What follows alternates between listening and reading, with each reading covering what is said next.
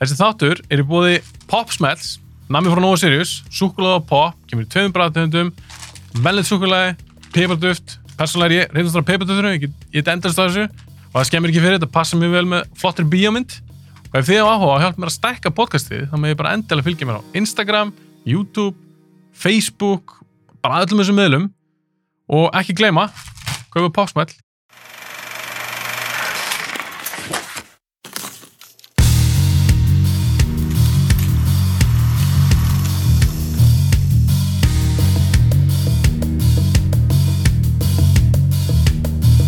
En ég gæti til dæmis, ef þú myndir fá þér, af því ég, ver, ég verð aðeins að minnast á styrtaraðan, popsmellur frá Nova Sirius, Já. sem ég veist geðveitt. Ef þú til dæmis myndir fá það núna já, og þú get, væri að smetta á þessu, Já. þá gæti ég lækka í þínu mæk, já, já, af því ég hlusta sjálfur á þáttin, já, fyrir ég vinnan. já, Þannig að ef þið langar í, þú getur fengið þér, bara ekki allan þáttin, Ég, kannski. hverjum langar ekki í alltaf skilur, þetta er svo, þetta er svo geðið pop Þetta er góð helsing. eða ekki? Herri, ég ætlaði að spyrja það, hann er fyrir mig bíamöldudótt já, út í plötunni hérna. bring in já, ég er með gjöf fyrir þig Ertu með gjöf? Já. surprise, platan Geðveitt, maður. Þetta er óræða. Ég yes verð að sýna sir þetta fram í kameruna. já, síndir í kamerun Mér er svo gaman, ég er að fá svona gjafir í þessu podcasti. Mér Já. þykir svo vænta. Takk kjærlega fyrir þetta maður. já, verður góð, ertu með, ertu með hérna setjið spilara í bílum? Nei.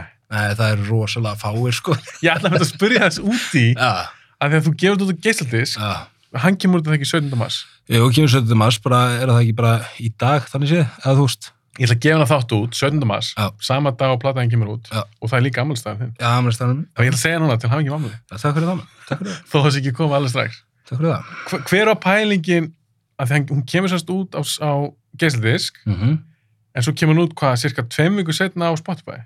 Já, svo gerum við 1. apríl á Spotify. Hver var pælingin með þessu? Ég gerði þetta líka síðast, sko. Hmm. Pælingin er, þú veist, hún er ekki eitthvað svaka langt, sko. Þetta er bara, mér finnst alltaf fínt þegar fólk er að borga mér fyrir plötukaup, sko. Já, ertu bara að hugsa þetta sem bara svona smá auka pening bara og upp á fönni líka bara að vera með plötu. Já, og svo er það líka það, sko, mín kynnslóð, Mm.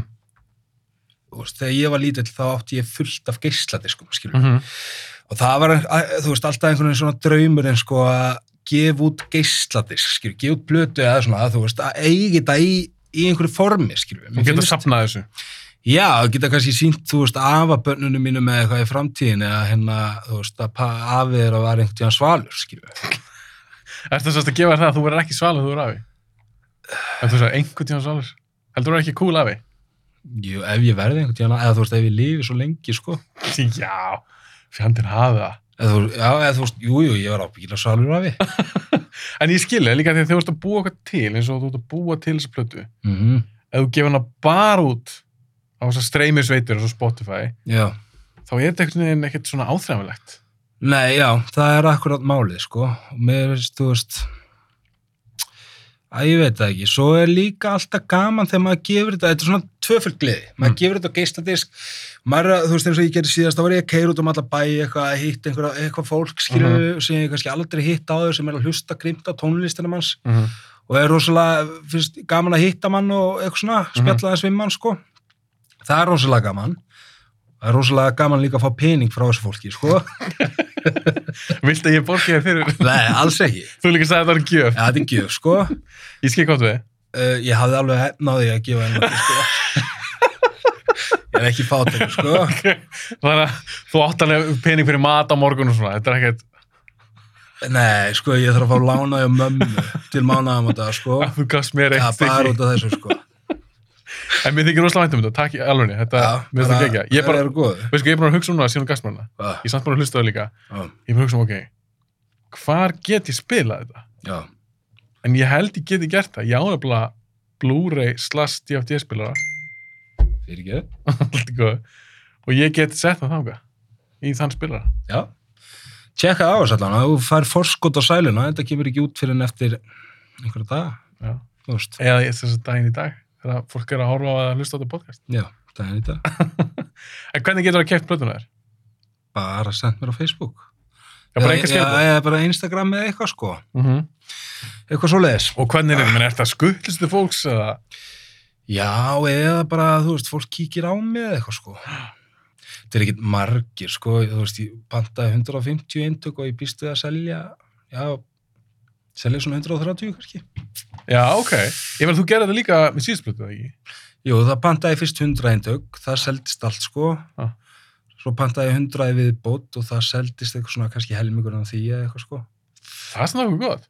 Já, já, það er ágætt maður. Ég meina, Þú ert bara að gera þetta sjálfur. Já, svo hérna veit satt ekki, ég, nei, ég held að þetta hafi ekkert áhrif á, á hérna spilanum og Spotify, sko. Nei. Svo fann maður greitt fyrir það líka.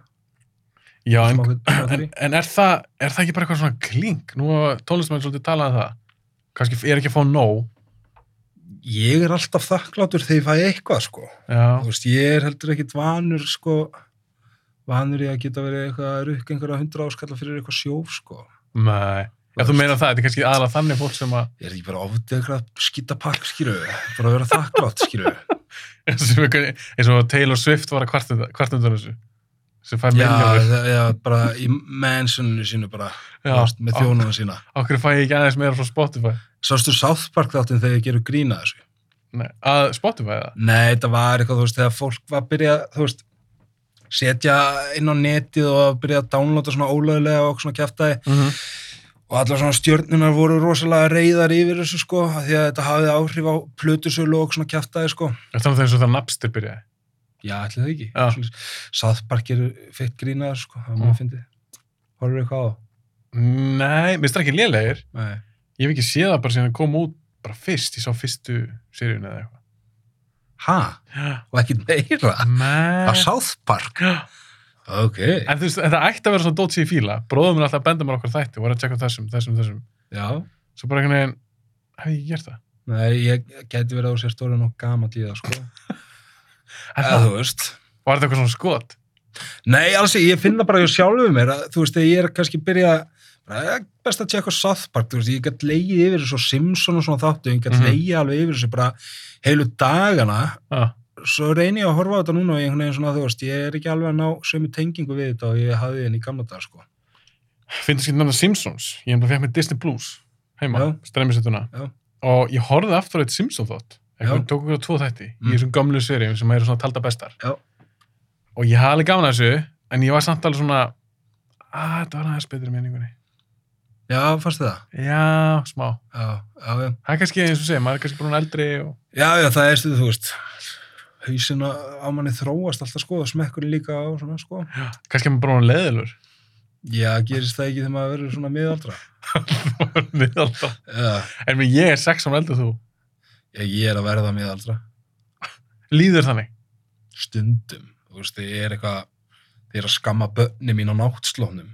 Það er bara, þú veist, ég bara, er ég, er ég alvörinu orðinu svona, skilju? Maður sem þú vildir aldrei verða. Já, eiginlega, sko, eða þú veist, ég ætlaði náttúrulega bara alltaf að vera rockstjarna og bara, þú veist, bara, bara partía, skilju? Já, mér er engin börn og ekki svona fjölskyldulíf og... Er þetta þannig um það eða?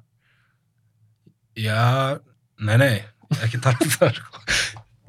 Úna, bönni mín horfði ekki hérna. að það hana. Ég er ekki sem elskir ekki börnin, ég er að Nei, en þú tala um... veist, ég ætlaði að vera bara rockstjarna, skilju, og ég hafði ekkert, ég var bara ekki gáðar en það, ég pældi ekkert meiri í, því, skilju, bara vera bara rockstjarna, skilju. Já, En sástu það fyrir, þegar þú hugsaður út í það, sástu það fyrir þér börn þar. Nei, ég sá fyrir mér einhver partí og Já, bara jam. einhverja línur og eitthvað, eitthvað svona dótt, sko. Já, þú sást það fyrir þér. já, já, Ok. Svo er frá, sást, tíminn þinn í dag já. er svolítið öðruvísi, þitt líf í dag. Já, það er eiginlega bara eins, sko, venjulegt og það getur orðið á köflum, sko. Ég bara, þú veist, ég get ekki vakið meira en til eitt á nóttinni. Mm. Þá er ég bara, bara 70% öryrki, skilu. Líður bara illa og ég Já. án brown jokes, langar, langar stundum að fara að gráta, skilu. Bara orðin það þreyttur. Já, bara að þú tónu það þreyttur og þú bara, ó, ég er degið þreyttur.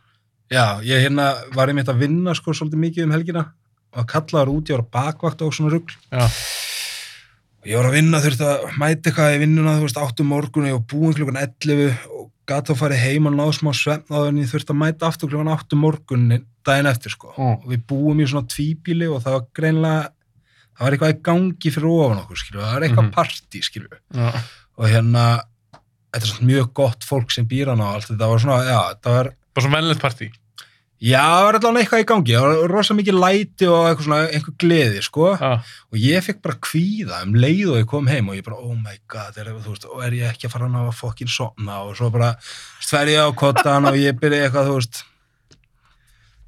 já, þú veist, reyna að sofna, skilju, og Mm. svo, svo haldi sér læti áfram og, og hérna, og ég hugsa bara, ég, ég mun bara aldrei ná að sofna, skilju, og svo ef, ef þú hugsa það, nærðu náttúrulega ekki að sofna, skilju. En eins og eyrntapar, segir ekki mjög slúðis. Ég, ég gerði það alltaf, sko.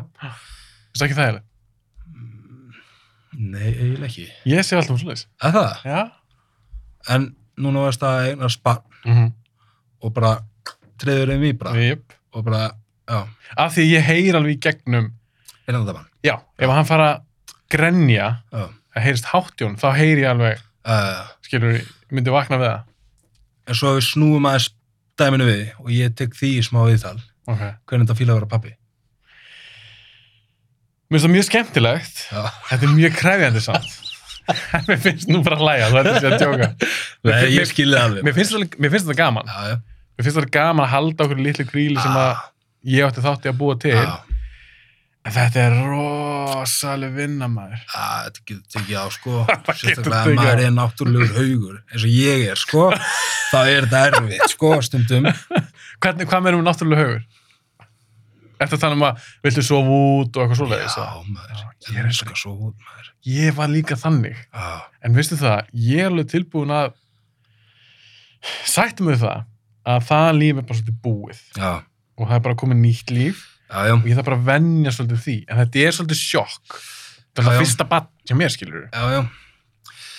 ég mitt sko já, að sofa út maður núna hérna nú ætla ég að segja svolítið sem að ég ætlaði aldrei að tala um eitthvað svona opiðberlega ég þurfti að fara í ADHD greiningum um daginn ok, og hérna og alveg bara síðan að ég varð bara fullorinn skilur þá hef ég alltaf verið bara þreyttur ok, alla daga, bara alltaf misþreyttur þú veist, núna er ég rosalega þreyttur en núna er ég ekkit eitthvað rosalega, rosalega þreyttur en ég er satt þreyttur skilur sérst núna í Bara svona- podcastinu nei, bara, ég var alltaf þannig já, skilurðu já, já, ok bara yfir allan daginn, alltaf, alveg sama hvað alveg Já. sama hvað ég svaf mikið eða eitthvað ég var alltaf þreyttur ah, svo fer ég í einhverja ADHD greiningu og, og hérna og sálfræðingur sem tekur mig í greininguna segir að það sé eiginlega bara nóg að horfa á mig og það, þú veist, ég hef ekki þurft alltaf að skilja einhverjum gögnum minn og eitthvað svona, já það var bara bara gamlið, þú ert bara, þú veist, rítart þú ert bara með ADHD skilju og ég er eitthvað næs maður og hérna, en þú svolítið ekki segja að í dag maður þarf að passa mikið að það sem maður segir já, já, þú algjörlega meinar svolítið ekkit með því Nei, að nei, þetta sé nei, eitthvað slæmt fólk með ADHD Þeir sem ADHD. En ég er með ADHD, skilu, ég má segja þetta, skilu. ég veit að maður er alltaf svo stressaður það er fólk sem er að meðskilja eitthvað. Eh, En nú er ég bara að tala um sjálfa mig, sko. ok, Uh, hvert er ég komin? sorry Já, ég fekk hérna plagg, pla, Já, hún bara stimplaði. Já, bara, þú átt rétt á livjum, skilu. Og ég fer hana, eins og ég var að segja ráðan, hann fer til geðlarni, svo fær, fæ hérna, fæ upp og skrifu liv, Mhm. sem heita Elvans, og ég er á einhverjum 60 milligrömmum, Mhm. og alveg síðan ég byrjaði á þessum lifum þá hef ég ekki einu sinni orðið eitthvað þreyttur yfir daginn ég bara vakna, tek lifin og svo er ég bara með orku yfir allan daginn bara. og það er bara Þannig ekki að þú finnir bara gríðarlega mörg. já, því allan, sko en það er bara já, þannig ég hef ekki sofið til hátis bara síðan ég fikk reyninguna held ég Og hver er fyrstu greiningu? Þú sagður nákvæmlega aðan eða sagður bara, uh, það er ásíðan eða tveim mánuðir eða... Eh, bara mánuður held ég Já, ok. hmm. Þannig að eftir að þú komst til mín fyrst, þá varst ekki maður að fara að fá greiningu. nei, Já, það er það stutt síðan. já Ok. Að þú veist, ég, ég ætlaði heldur aldrei að fara í greiningu, sko, Já, að því mér finnst þetta að vera svolítið hérna, stimpla fólk. Nei, þetta er svolítið tískubilgja finnst mér. Þetta er ábyggilega bara samt ég eitthvað að dæma, sko. Já. Uh, allir eitthvað svona að fara í ADHD greiningu og eitthvað svona, já, fyrstu greiningu, ó, til aðmyggju, eitthvað svona, þú veist, loksins fyrstu greininguna þína og eitthvað svona, Mm. og, þú veist, og hróka fullu hausin á mér, bara tekur ekki þátt í þessu, fyrst bara glata, en sjant er hérna núna eitthvað að opna mjög mynda, skilju, Mm -hmm. þannig ég ætlaði aldrei að fara í greiningu og mér fannst þetta að geða og mér fannst þetta að vera afsökum bara fyrir öllu, skilju. Mm -hmm. Það er til að kona mín eiginlega bara sagði bara hérna bara hingað ekki lengra haugur. Það gengur ekki lengur með þig og bara nú drattast þig í greiningu. Hún rækði því að. já, þannig hérna En þú hefur alltaf verið til, já, annars hefur alltaf farið. Hún, hvað segirðu? hún, þú hefur alltaf verið, þú hefur verið til í það. Já, ég streyti svolítið á móti í einhver ár, sko. Hún Já, er búin að vera ok. svolítið lengi að reyna að fá mig, Já, sko. ok, þetta tók ekki tvo daga. Nei, nei, nei, alls ekki. Konan er eiginlega bara eitthvað, oh my god, hvað hann var lengi að þrjóskast við þetta. Uh, já, og nú er ég hérna, sitt ég hérna, sérstakur. En hvað fannst þú að hafa grætt á þessari greiningu? Ég veit þú fyrst þessi lif, en fyrst þú að hafa grætt eitthvað á þessu? Nei, í raun og vera ekki, kannski, þú veist, ástæði fyrir uh, hlutum sem að voru alltaf einhvern veginn að fara úrskeiðis í lífi mínu, skilju. Mm -hmm. Nú er ég komið með einhver svona læknisfræðilega ástæði fyrir því, sko. Og finnst þér það þægilegt? Eða þægilegra að vita af því? Nei, ég, ég held að innstinni hafi ég einhvern veginn svona alltaf vitað af þessu, sko. Mhm. að þú veist, já, já og ég hef alltaf verið, þú veist, alltaf hérna bara síðan ég mann eftir mér, þá er alltaf verið svona ein, hvern maður í mínu lífi sem hefur alltaf skammað mér reglulega, Ah, kannastu við það eða? Nei. Fyrst er það náttúrulega mamma manns sem skamma mann alveg þar til maður verið fullorinn, skilju Já. og þá eignast maður konu sem að tekur við kindlinum, skilju og byrjar að skamma mann reglulega, sko Já, ég veit ekki um þess að alveg að, að kærta mín hefur kannski ekki beint skamma mig en að ég get alveg verið þrjóskur, þver, Já, óþólumöður, eitthvað svona já, og hún getur stundum svona aðeins ítt við mig bara hei, já, hvað er í gangi? já, Ég kann alveg að meta það, já, ég kannski þegar hún segir það þá er ég ekki alveg stöðið til þess að heyra það nei en þetta er oftast rétt hjá henni Já, þroskað svar hjá þér, eða svona. Er þetta ekki saman því eða? Jú, algjörlega maður. Ég hérna, Þegar að konu þín segir eitthvað svona við þig já. hefur hann þá ekki oftast rétt fyrir sér?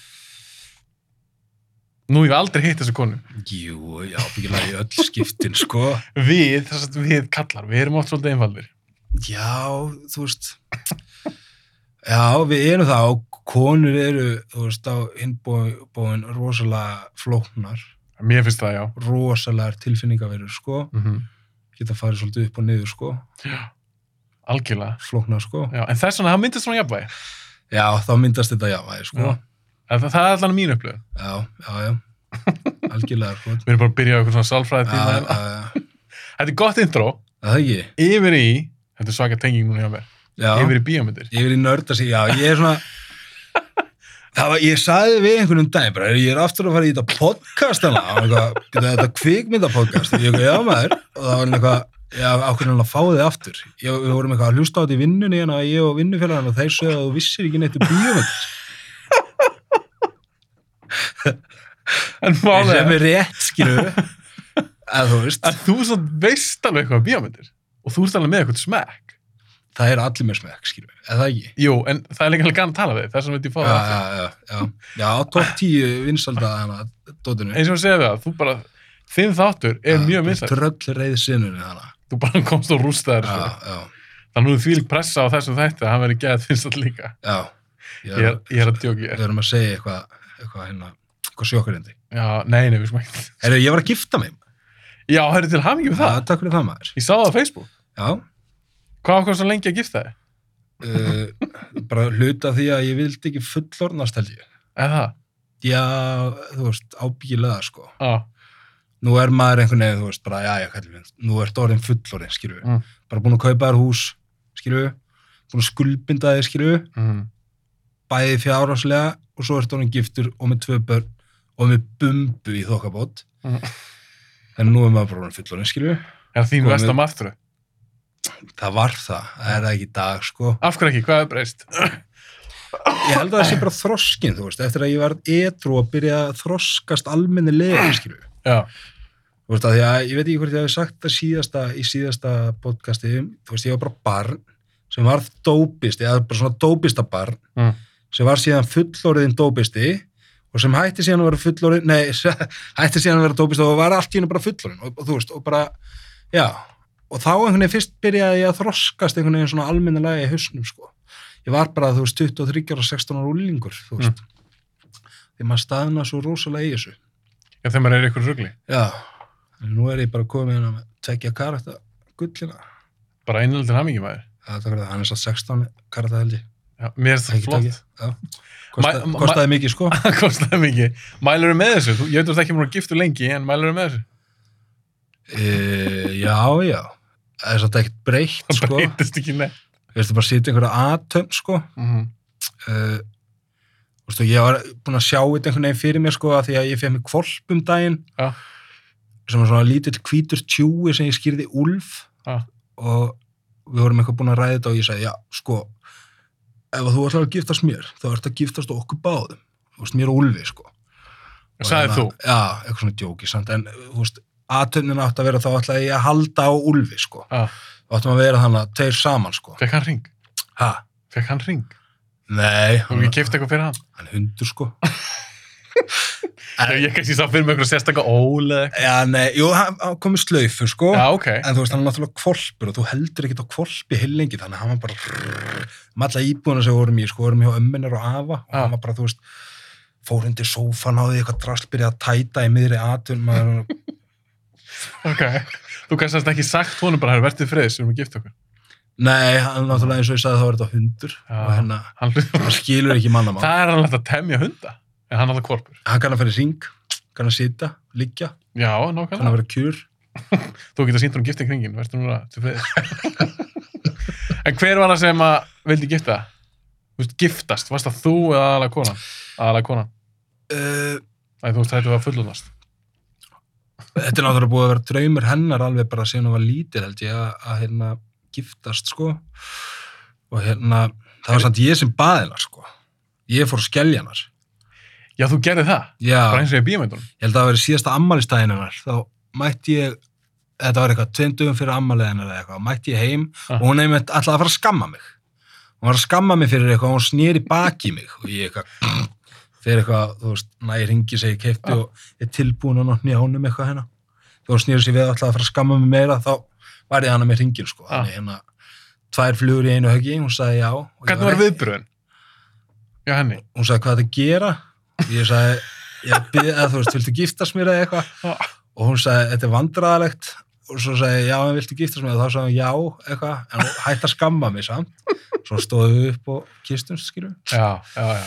eitthvað svo leis En hvað finnst þér um þegar fólk er að byðja, einhverju gæjar er að byðja konur sinnar?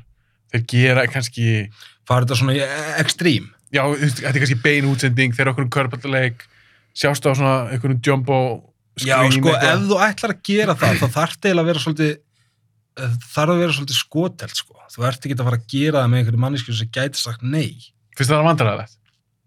Ef að mannskjöndi segja nei. Já, það myndi bara, ef það var einhverju beinu útsettingi sjónvarpinu, ég, þú veist, Það er hæðilegt. já, það er alveg glata, sko. En hvað finnst þér um? Þegar núna ég sjálfur dottir svolítið inn í Bachelor, þættina. Já, er það út af kunniðinni? Nei, nefnilega ekki. Það er ég Þú sem veist, þú þurfum- sjálfur ákvörðun um að gera þetta. Já, ég er búin að fá nokkra konur til minn í þáttinn. Já, Ég veit að þú horfir, þú horfir ekki á það. nei, En það sem ég er svolítið fyndið í státtum er að þú er unni keppandinn og svo sem er The Bachelor eða Bachelorette mm þau gifta sig í loki þess að hann byður hennar ég byrja, ef, ef þetta er eins og gömlu þættinni sem voru eitthvað að skjá einum í gamla daga, ég sá það aldrei nei, það kemur einhver geðveitt heit gæla inn í eitthvað hús og svo er bara, þú veist, pakkað af 20 einhverjum gaurar. graðfólum hana, að berjast um hana, þú veist, Já. er þetta svoleiðis? já, já, þetta er þannig eða, og það Þeir- er bara skildugifting í, hérna, í restina ég held það Já, þetta er glatað já, en ég, ég er að spyrja þig hvað finnst þér um að giftast manneski sem þú kannski múið þekki í fjóra vikur, sex vikur í sjónvastætti ég veit það galir Ég- Þú veist, já, mér finnst þetta að vera algjör heimsko og mér finnst allir svona þættir bara að vera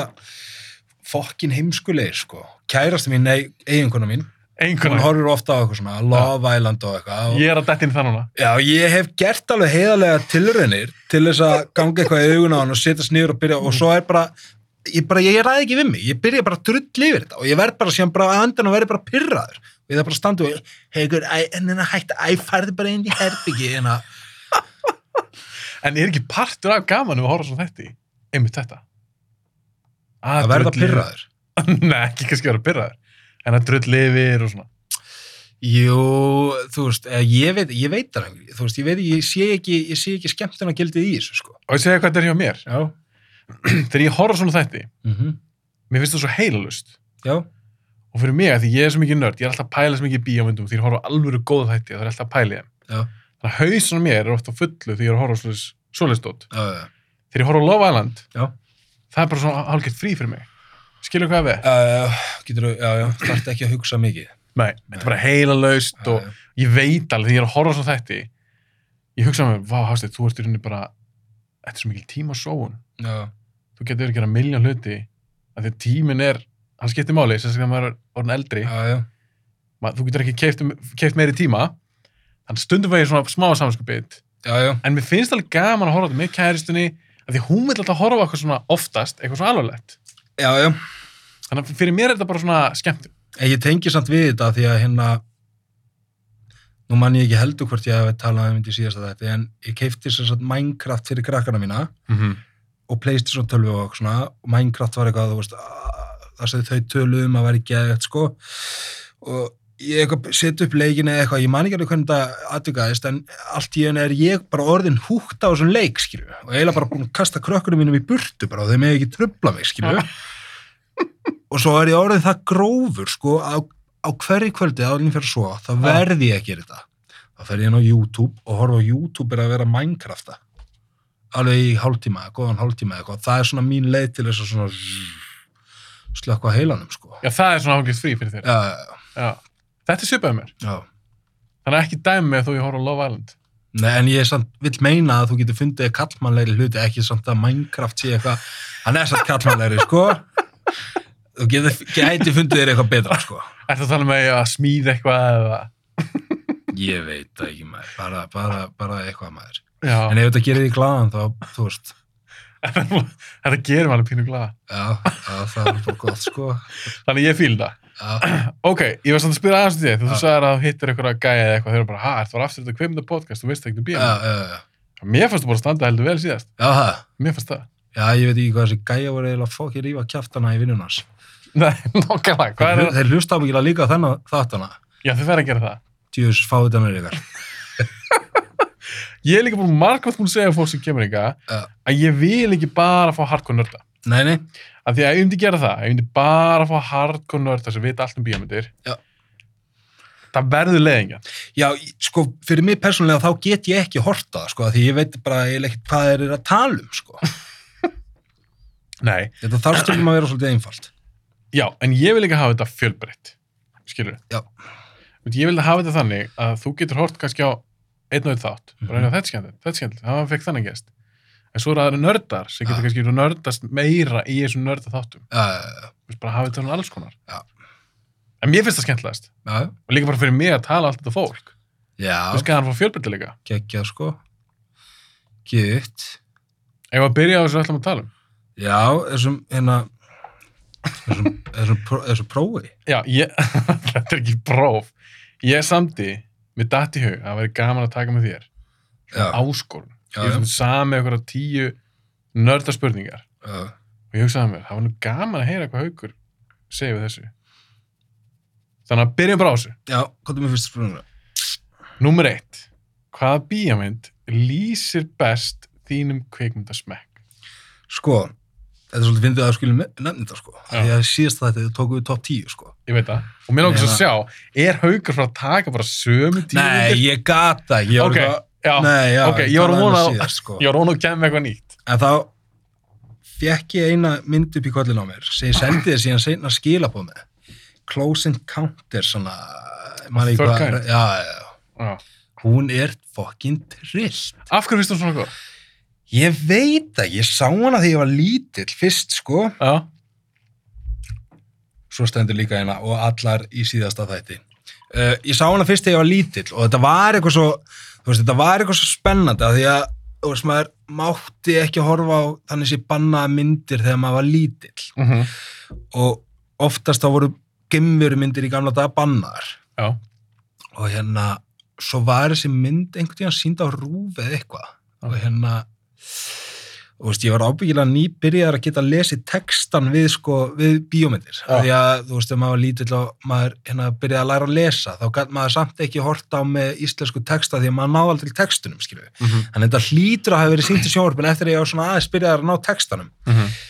að því ég mann hvað ég var ógeðslega spenntur yfir þessari, yfir þessari mynd og hún var ekki bönnuð og hún var sínd á rúf skilur og á þannig tíma ég gætt hort á hana og hérna, og maður var alltaf að býða svo spenntur og eitthvað svona, eitthvað geimverið út í gangi og svo koma geimverunar í endan Já. og þá eitthvað svona, f- þú veist, framleita ábyggilega heili minn einhvers konar dópa mín eða eitthvað og í hvert einasta skipti sem ég horfa á þessa mynd eftir það og bara svona losnar um mitt aftur í eitthvað svona, að, já, já, já, Hálger víma bara. Já, allir það ekki. Eitthvað svoleiðis. Og svo er þetta, það er bara einhvern veginn, þú veist, já, þetta þetta er bara geðvik mynd maður. Er þetta ekki Steven Spielberg, Spielberg, Steven hana, Gurinn hana? Þú varst með þetta rétt, Steven Spielberg. Eh, Já, já, hann, Eh, Já. já. En þannig, þú sást alveg, þú sendir mér, það er ekkert langt sem þú sendir mér skilabóða. nei. Ég, ég var nætum átt í vinnunni. Já, Og þá hérna- horfður hann aftur, var það langt síðan að sé hana? Já, ég ábyggilega svona 10-12 ári eða eitthvað, sko. Og þú ert ennþá hrifin. Já, og þú- svo vorum við hérna ég- með öðrum starfsmanni, sko, og við horfum rosa mikið á bíómyndir á nætuváttum. Mhm. og við vorum eitthvað að skrolla og fórum hana inn á vottið eða hvað þetta heitir hann að sjóma símas eða eitthvað Mhm. og ég sé þessa mynd og ég er samfæran um að þetta sé geðveik mynd og ég bara við verðum að horfa á þetta Já. og þú veist eftir kortir þá var hann lungu dottin úr og farin í síma og fannst þetta glötu mynd og ég er hann alveg límdur hann alla nóttina að horfa á hana Hún er alltaf frekar svona hæg, kannski. Myndir ekki segja Aha. það? Já, kannski, en þú veist, hana, þú veist skemmtilegt að því að hann missi svo mikið vitið Já, Richard Dreyfuss, þess aðalgæðin. heitir það það? Leikarn, leikarn heitir Já, Richard já, já. Dreyfuss. Já, hann missir svolítið vitið og hérna þú veist, missir alveg það mikið vitið að bönnin þurfa að flýja og konan og allt sko. Þetta er svona fjölskyldu drama. Já, svo fyrir hann ekki eitthvað að slummast hann við hina gæluna sem misti líka vitið og sonur hann að fóra hann með Það er enda 20 ár síðan saman. Já. En það er eitt sem böggar með þessum mynd. Já, Og það er í rauninni ekkert, þetta er ekki henn að kenna beint. mm. Þetta er ekki Myndinni? gall- Já, þetta er ekki galli beint í myndinni. ok En ég áráslega erfitt oft með góða gemurur. Okkur, Ég veit það ekki. Ég, kannski að því ég sá Alien. já, Ég sá hana frekar snemma. Eftir ég var svona frekar ungur. já Og þar er þetta svona, eins og skrýmsli, skilur Ég fíla það alltaf. Mér finnst það game, eða Independence Day. Sá hana því á 14 ára. Já, hún er styrlu Já, ráðast í jörðina, alltaf bara Já. eða öllu. já, já, Svo horfi ég á E.T. eða Close Encounters. Það var bara eitthvað svona, mm, það varstu eiginlega of harður fyrir það það er þín orð, ekki mín. Já, já, já, Nei, ég veit ekki hvað þetta er. Þetta er eitthvað svona, sjá eitthvað svona sæta litlar gemurur, já, eitthvað. já, já, ég Mér skil finnst það þig, sko. kannski eitthvað spennandi. Já, já. En Ég hérna, já, skemmtilegt að þú skulle segja Alien að því ég sá hana bara í fyrsta skipti um daginn, sko. Fyrstu Alien. Já, þá var verið að sína hana í einhverju bíói. Bara, já, í þessu COVID, þegar það var, voru einhver svo nýjar myndir eða eitthvað, þá var sínt þessa, þú veist, þá var bara í eigisöll eða eitthvað. Já, Og ég skellti mér á hana bara. hvernig veist þú? Mér varst þú góð, sko. Og mér varst líka hérna, hvað heitir þetta? Leikmynd. Já, þessast leikmyndin. Fyrir aftan, eða þú veist, Já, svona já, já, bakgrunni, já, skilju. já, já. Svo var augljóslega ekki í alvöru, skilju. Mhm, mhm. en hann var eitthvað svo flottur og já, þetta var svona já, góð bíómynd sko Þetta er alveg groundbreaking bíómynd. já, Það var enginn að gera svona myndir á þessu tíma. nei Þannig þegar þetta kemur þá er þetta svo nýtt. já, en hvernig fílaður hérna Mel Gibson myndina Signs, eða Sign eða Mér- eitthvað? Sæns, mér finnst hún geggju. já, mér varst hún trillt líka maður Mér finnst hún geggju, sko. djúvill var hún góð Já. Mér finnst hún ennþanda í dag að hún kemur út 2002, já, þannig já, að 20 ár síðan. já, hún er ennþá góð Mér finnst hún ennþá góð, ég horf hún reglulega. Já. En það er líka kannski að því að súmynd talar rosalega stert til mín að því hún snýst um örlög. Hún snýst um að þetta sé allt fyrir hún ákveði. aha, Já. ok, það fór alveg fram Hvern- hvernig, hvernig farið það út Fór það fram hér? já, eða þú veist, ætlaðu þeir ekki að gera eitthvað, eitthvað ára svo, svo bara voruð þeim á öðnami fyrir vatninu eða eitthvað það er kannski einfalda útgáðan ég veit það ekki það er útgáfan á yfirborðinu. Á Ok. yfirborðinu, þú sér trailerinn og þú horfður á þessa mynd kannski svona fyrst. Já, Þá er þetta bara svona fjölskyldudrama, ekkert ólíkt kannski Close Encounters, Mm. en gem, með geimverárás. já, en myndin fjallar hún ekkert um þess að gembur árás. Það sem þessi mynd fjallar um, þetta er alltaf fjallar um mann sem að misti trúna. já, Það er Mel Gibson, hann var prestur, já, já, svo missar hann konu sína í Já, já. ræðilu bíslisi, hún deyr, þá missar hann ju bara trú á öllu. Já. Hann hættar að trúa á Guð. Já. Það er fyrir honum er bara, veist, eða þetta er Guð, hvernig getur hann svona vondur að taka með konuna. já, já, En, svo enda myndin á því að hann fær trúna aftur.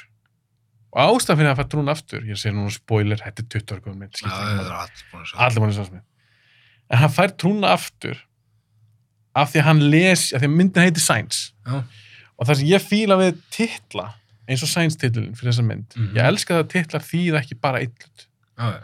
að þegar þú klára myndina þá fær titlin aðra merkingu þegar þú hugsa um Science þá hugsa það bara um eins og crop circles Já. sem merki í akurnum en það fjalla líka um merki bara í, sem þú getur spottað í þínu lífi til dæmis, dóttur hans Já. hún, er ég að segja bara eitthvað svona fréttir núna eða eitthvað eða- Nei, þetta svona er bara rosalega djúb pæling, sko. en eins og í myndinni, já, stelpan hans hún er alltaf að segja, neða þetta er menga vatn ég er að fá nýtt, hún er að fá vas- nýjun í vaskljus já, ég veit ekki hvað þú manst þetta því jú, jú, þannig í húsinu þarf vaskljus út um allt já. og hvað eru geimurinn að hrætta við? Vatn. strákurinn hans var minnum með asma Já. Manstu? Já. og geimverðin nota eitur nota svona tauga eitur Mhm. sem sprauta bara framan í fólk Já. á hann að taka það og það sprauta framan í strákin en að því hann er með asma þá lokast fyrir þannig að eitur fyrir ekki niður Sest, hann, hann deyr ekki út af því Mhm. og Mel Gibson vil meina það að þetta er allt merki um það að þetta sé allt fyrirfram ákveð eða þá er hérna Guð sé að passa þau að því að kona segir þegar hún deyr í bílþessinu Mhm. þá liggur hún, hann er rifið upp í myndinni Já. hann er gæs hún að hugsa um þetta með svo geggja moment hún segir í raunin við hann þegar hún liggur á bílnum, hún er, hún er bara við það að deyja hún er bara deyr ekki strax þegar hún fær högg- eh, bíln á sig Akkurat. og hún segir segðu börnunum mínum ég elski þau og segðu sinni mínum að hann verið að passa sýstu sinu og eitthvað Já, og segðu hinum að bomba hana. hana bara- Já, já, hún segir tell Merrill to swing já, já, já, og hann fattar þetta Gibson já.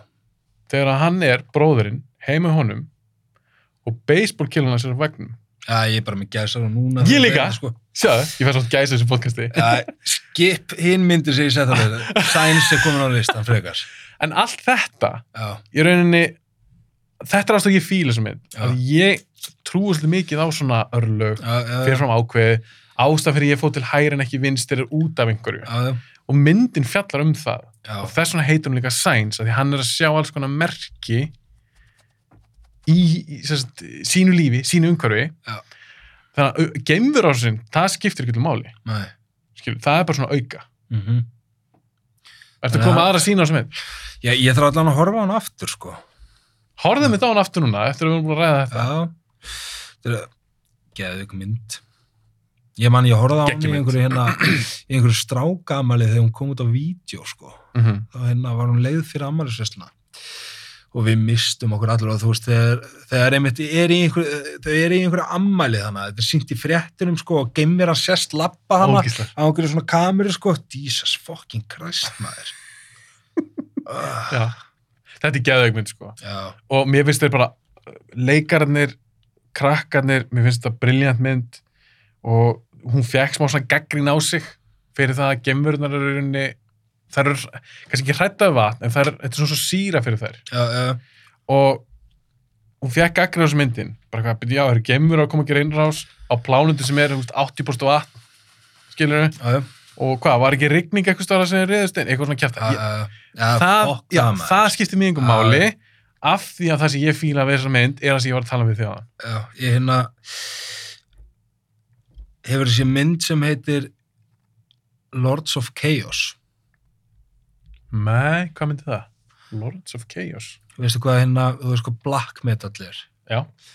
Þess að það er, þú veist, hann var til í Noregi skilum við, eitthvað svona, Mhm. byrjaði að þróast þar og það er hljómsveit, veistu hvað hljómsveit Mayhem var, Nei það er Veistu eitthvað, ekki no, eitthvað svona norsk uh, black metal hljómsveit eða eitthvað svona, nú er einhverju metalhausar ábyggilega að vera, þú veist Brjálar Já, brjálar út í mig að því ég er að tjá mig um mál sem ég í raun og veru veit ekki svo mikið um Ég þekki ekki mikið black metal heldur sko Nei, þetta er sér að, ég held að, það- ég held að ég sé að fara með rétt mál, þetta er hljómsveit sem að hérna startaði black metalum, bara fyrsta black metal bandið Ok, og hérna og þeir gáðu þessu út fyrir að vera einhverju djöfla dyrkendur og eitthvað svona kjaftaði og fyrsti söngveri hljómsveitin og skaut sig í hausinn sko, Mm. draf sig þannig gítalegarinn fór og tók myndir af líkinu og öllu sko fyrst sko og hérna, Það er og þetta er rosalegt. eitthvað svona, eitthvað svona sick shit sko og svo fær hann einhvern, einhvern, einhvern annan aðila inn í, inn í hljómsveitin og svo byrjaði að kveiki kirkjum og eitthvað svona og, og svo eru framið eitthvað morðið eitthvað álíka Mm. og svo endar myndin á því sko að gítalegarinn er drepin og þetta er, sa- eða, þú veist, þetta er alveg sagan sko já, þá sem sagt kemur hérna Varg Víkines sem hétt sem sagt gaurin sem kom inn í bandi sem bassaleikari eða eitthvað Mm. uh, misti eitthvað vitið bara á drapan eða eitthvað álíka skilur Já. ah. þetta er mynd um þetta er leiki mynd um þessan hljóset Já, ok. en samt hef ég heyrt sko að black metal sinnan var brjálið yfir svo að því þetta er ekki eitthvað þú veist alveg uh, eða þú veist illa farið með góða sögu eða eitthvað álíka Ok. en myndin finnst mér virkilega góð Mm. og litli strákurinn í Sæns leikur aðar hlutverki í þessari mynd Nei. Þarna kemur tengi. og ég er að segja þér að, að tjekka á þessari mynd að því að Mm, Hljómar hérna, áhugaverð. já, þetta, á, þetta á að gerast í, þetta er náttúrulega einhver Hollywood mynd sko, þetta á að gerast í Noregi sko þetta Lords er of svolítið Chaos. skemmtilegt sko já, Lords of Chaos, tjekka á henni Ég er að tjekka á henni. og þetta ekki eftir að sjá eftir því sko Nei. En eins og ég sé, ég er búin að segja svo marga sem hafa komið eitthvað, já, ég þarf að tjekka þessari mynd, já, ég tjekka þessari. uh, Listi minn orðin alveg bara, tjekka þér á Merlin eða nei, hún er ennþá frá listanum minn. 1998, sjónvarsmyndin Mér langar svo að tjekka á henni.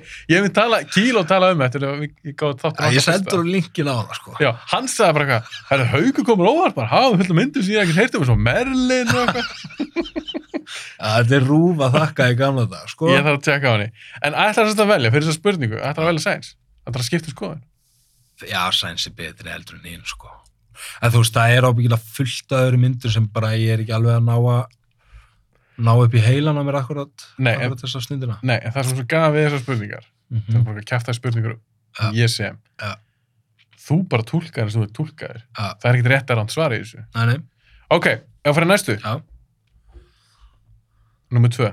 Hvað mynd sem fjallar að miklu leit um hefnd? mm. ah. Finnst þér vera geggjuð? Mm, mm, mm, mm. Þarna eru miljónmyndir. Heru, já, ég þurfti samt að googla sko, Ok. Eitthvað, movies about revenge uh Mhm. en þar sá ég á lista eina mynd sem kalli, kannski fjallar ekki um hemd En e- ef það er En þú eitthvað veist. hefnd í henni, já, það er hemd í henni sko ok, hvað er með það? þetta er remake þetta er Last House on the Left Já, ég sá hann ekki. ekki, Nei.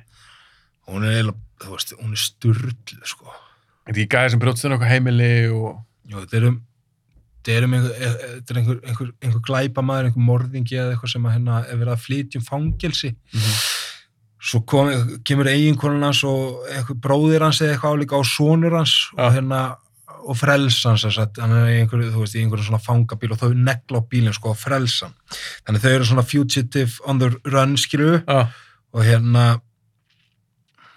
svo einhvern veginn, já, þetta, þetta, þetta, er- þetta er brútal mynd, skilu svo taka þær einhverja tvær stelpur í gíslingu og það er bara atriðið hann í myndinni, það segir taka bara hérna aðal eða eina gæluna hana sem voru í gíslingu og bara, þú veist, bara fokkin nöðgani ég er búin að, vissi það, þetta var svona hardcore já, nöðgunar allir í henni. og svo einhvern veginn nær þessi stelpa að sleppa og flýr eitthvað og þau skjóta hana og hún s- fær skot í sig sko, Ah. fer í, hún er eitthvað svona atvinnu sundmaður eða eitthvað, hann er synd í burtu í einhverju á og fer heim til sín sem sagt, til mömmu sinna og pappa sem átti eitthvað sumarhúsana Já, og þau bara taka hana inn og sjá, sjá hana yfir skotina hana yfir nöðgáð og eitthvað svona sitt og, hérna, og taka hana inn sko svo skellur á eitthvað óviður sko Mm. og hérna og þau eru bíllaus hann að vondukallani sko Já. að þau klestu bílinn hann að þau voru með þessar tvær stelpur í gíslingu drápu hinn að stelpuna sko Já. og hérna og svo eru þau eitthvað að vafra hann um og vafra í þetta hús og spyrja hvort þau megi fá nætugistingu eða eitthvað áleika Já. og eru komin hann inn í húsið og svo fatta fóeldrani sko með stelpuna sína bara þú veist, upp á lofti eða eitthvað bara að berjast fyrir lífið sinu að þetta sé fólki sem að skauta hana og nauðga henni þannig hérna og við það hefst einhver svona í manningjálug hvernig þetta er en þetta er, ég ser þetta svo fokkin brútal og það er bara atriðið það sem að ég man ekki hvort það er pappin eða mamman tekur hamar bara og neglir og þessu hver leikur í þessu Jesse Pinkman í Breaking Bad Aram Pól. Já, hann leikur sem sagt bróðir aðalvondakarsins og ég minn- minnir að þessi hann sem fæ bara hamar bara hérna í hausinu og svo stendur bara hamarinn út og það er held ég líka að tekið hendina svo sett í svona hérna að þetta er í svona bandarískum húsum í Svona vaskinu ruslakörfu. zzz, já, já, já, og st- bara þú veist, hökkuð þar sko Þannig að, þe- ok, ég, ég, ég, ég veit hvað mynd þetta er. Já. Þetta er þekkt mynd, og þetta er hún endurgerð af eldri mynd. já, Mér langar alltaf að sjá hana, en ég er bara einhvern veginn, já, eitthvað svona hardcore nöðgunar dót og eitthvað svona, kannski ekki eitthvað svona, bara hei, mér langar að vera skemmtilega mynd. nei, það gerir mann ekki tamingi saman sko Nei, en, nema einhverjum sjúka gauðra sko já, en ég er samt alveg til að sjá þetta, að þetta hljómar aðeins öðru sem ég held. Ég held að það hefur brotist inn í eitthvað hús og þar eh, hefði nöðgunar drátt í stað og eitthvað svona. Nei, það var ekki alveg svoleið, sko. Nei, en þannig að þegar þeir fara í húsið, vondugæðinir, Ja. þeir fatt ekki að þeir séu komnir í húsið þess að stelpanlunni á heima. Allavega ekki strax. Nei, mér minnir að þeir hefðu séð það, sko, ég manna ekki, það einhvern veginn, ein, einhver staðar í myndinni fattast allt, sko. Þannig í rauninni, að því að spurningin snýðist um, snýðist um hemmt, Já. þá nær stelpan og hennar fjölskylda að hefna sína á þessum gurum. Já, fóreldranir, sko. Þeir mér minnir að þeir drepa allt þetta lið, sko. Já, já, vondaliði. Já, vondu kallar, sko. Á mjög gróan hátt. Já, já, mjög brútal, sko. Og svona settisfæn. Að því mér finnst það oft í bíómyndum, sko, Já. þeir eru eitthvað vondi kallar búin að komast upp með þvílíkt margt og, þú veist, maður byrjar að hata hann. Já, Svo kemur að atininu og þessi góði kallin, þú veist, er að fara að drepa hann. já, og maður hugsa svo mikið í hausnum að ég, þú veist, ég myndi ekki drepa hann strax, ég myndi fyrst fokkin, þú veist, ég myndi, ég er að segja það, ég myndi bara pína hann og pína hann og fá hann til að segja fyrirgeðu, þú veist, og, þú veist, kannastu við þetta? já, já, ef þú hatar einhvern í bíómið. Já, en það gerist aldrei, það er bara, þú veist, bara skotið á döður, skilju. Það er sjálfgæft, en ég maður þetta eftir einu atriði. Sástu Sin City? Ég, ég var að byrja að horfa á hann um daginn, Já. en ég hef samt síðan alla áður, sko. Já, ok, en fíla hann ekki það. Jú, mér var svo Já. geðug. En það er til dæmis eftir með karta sem Mickey Rourke leikur sem heitir Marv. Já, hver er það? Það er aðal gæin í svona, þetta er svona þrjá sögur. Er það gaurið með skrýtna andlið? Já. já, já. Já, svona, svona, já, skrítið, hann var með make-up, Já, hann já. gerði svona eins og, eins og teiknumdasögu karakterinn. Já, já. En þar til dæmis, þá vændiskona sem hann var svo ástökin af, Já. sem er drepin. og gæin sem drap hana heiti Kevin. Mm. Svo sem leikur Kevin er Elijah Wood sem var í Lord Já, of the já, Rings. já, já. Og þegar Marv nær hún loksins, þá, þá hann drepur hann ógeðslega. Já, Hann það. sagar hann hendunar og Já, Ah. gott, já. fætunar og Gott hjá honum. setur mér eins og einhverjar æðaklemur eða eitthvað svona blæði ekki út. Já, Svo lætur hann Úlf geta já, næs. á meðan, á meðan hann er lifandi. Já. Ég maður þegar ég horfði á myndina, ég var bara eitthvað, ok, Marv kann allavega að ná sér niður á fólki sem að Já, já, já, leka hann illa, skilur við. algjörlega. Það er hérna, Þetta er ekki algengt í bíómyndum.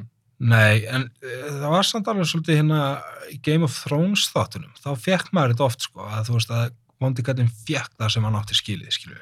En svo hann að Lord Bolton, eða hvað hann hétt hana, óþólandi gaurinn hana, Ég er svona elskan að því að hann var svo ógeð, já, mikið það ógeð. var viðbjöður, sko, Já. og ég man, sko, þú veist, hann að negla hann í andlitið hann eftir bardaðan og svo er hann bara settir inn í eitthvað hundabúr og svo er sleppt hundunum hann, sko, þá fekk ég alveg svona, ah, lít, hjartað, ah. Af því að hann átti það skilur. Já, náttúrulega, og líka þegar hérna litli fokkin óþólandi prinsinn var að kamma. Það var líka... Joffrey. Já, þá var maður bara svona... "Ó, Úf, gott. En Game of Thrones voru líka alveg brútal á köflum. Já, fokki brútal, sko.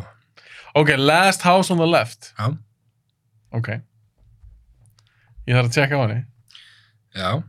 Þetta hljóma mjög brútal.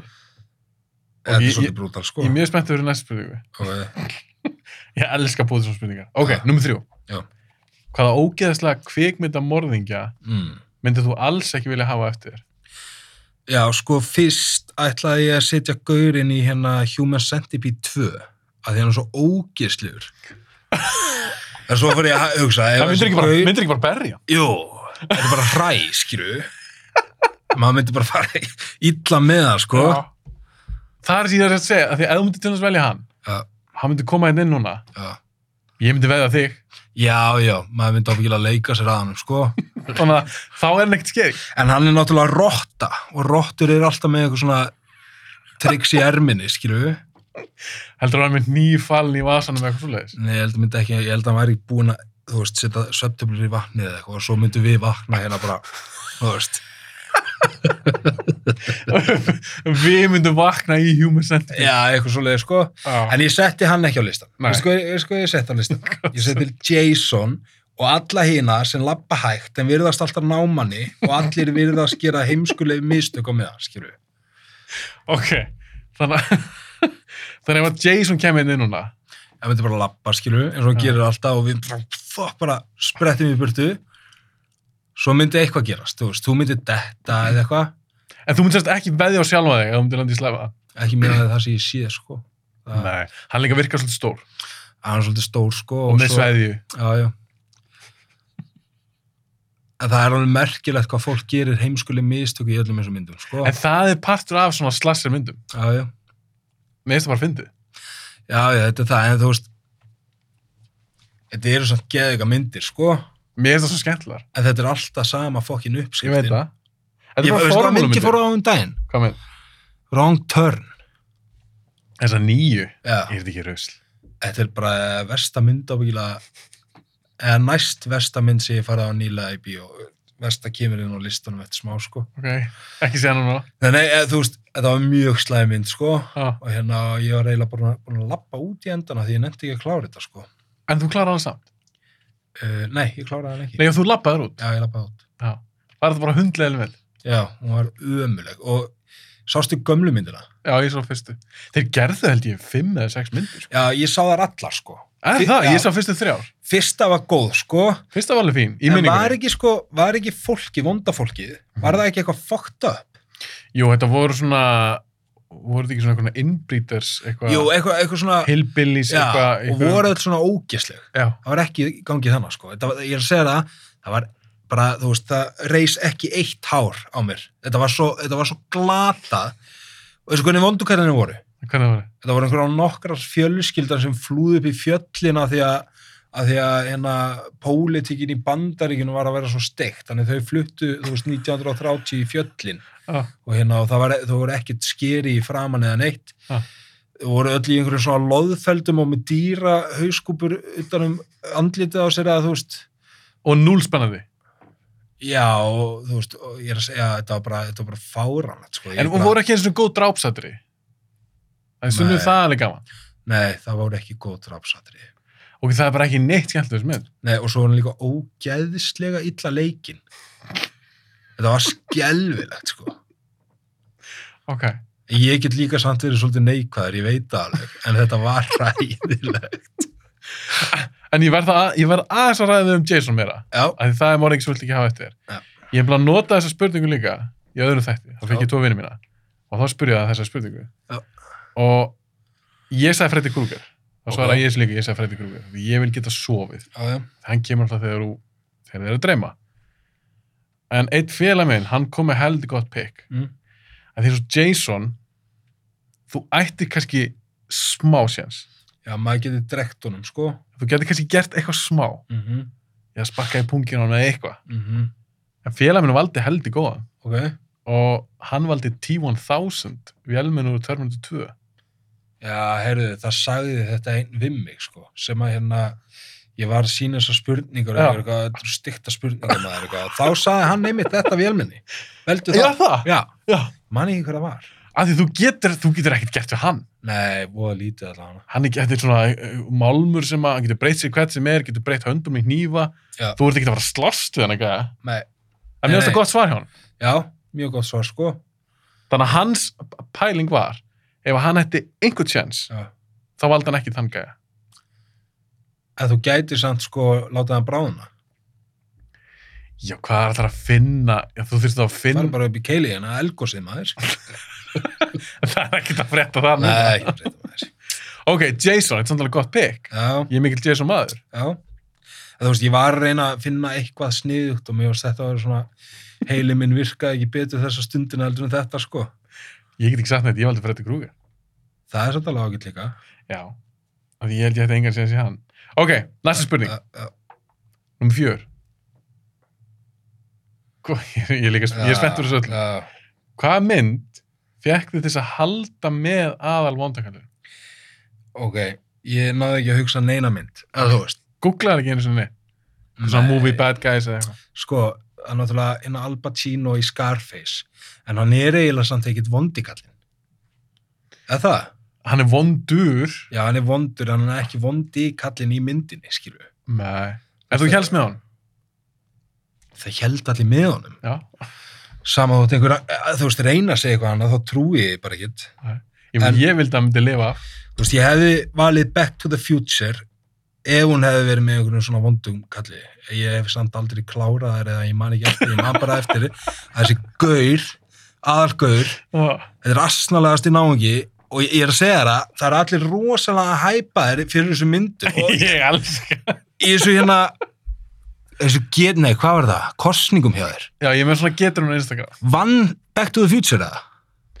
Uh, nei, Hún lendi í eitthvað þriðja sætið eða eitthvað. já. Þetta er skelfilegt, þetta er ömulegt. Af hverju finnst það svona líf? Bara þegar hann er að teika hann á hjólabrettinu, þú veist, á að vera eitthvað, þú veist, hvað he heitir hann? Marty McFly. Já, ég er að segja En leikari heitir Michael J. Fox. Já, æ, ég veit ekki, bara þú veist, hann er bara ógeðislega asnalegur. Hann er eiginlega, þú veist, hann, það hefur þessi small soldiers. Já, með, með dótinu sem lifir. Já. Já. Ég horfði á hann um daginn Hann er og mikið það er hræðilegur. aðal, ég er að segja þér að þessi tíska, þú veist, á þessi tíma að vera með greitt hérna á svona smá sítárskifu eða svona, þú veist, þetta er, þetta er viðbjöður, sko. En ég var samt að hugsa, sko, að Back to the Future hefur þessi Rick and Morty. Já. Það er eiginlega bara teiknimynda, brútal teiknimynda útgáðan af því. Já. Algjörlega. Er það staðfest eða, þú veist? Ég meina gæðin sem gerðu Rick and Morty fíla Back to the Future. Já, pottið, sko. En það er vondurkall í Back to the Future. Aha, Hélstu með... Já, það er. Er hann legit vondur eða er bara einhver svona búli? Og svo líta rekkjur sínur alltaf út, æ, alveg eins út á þessu tíma. Þau eru yfirleitt rauðar, svona smá skvöpuð og er alltaf svona sama hárgjörn og svona smá grísalegi framann. Eins og stóri bróðurinn í Hómaló.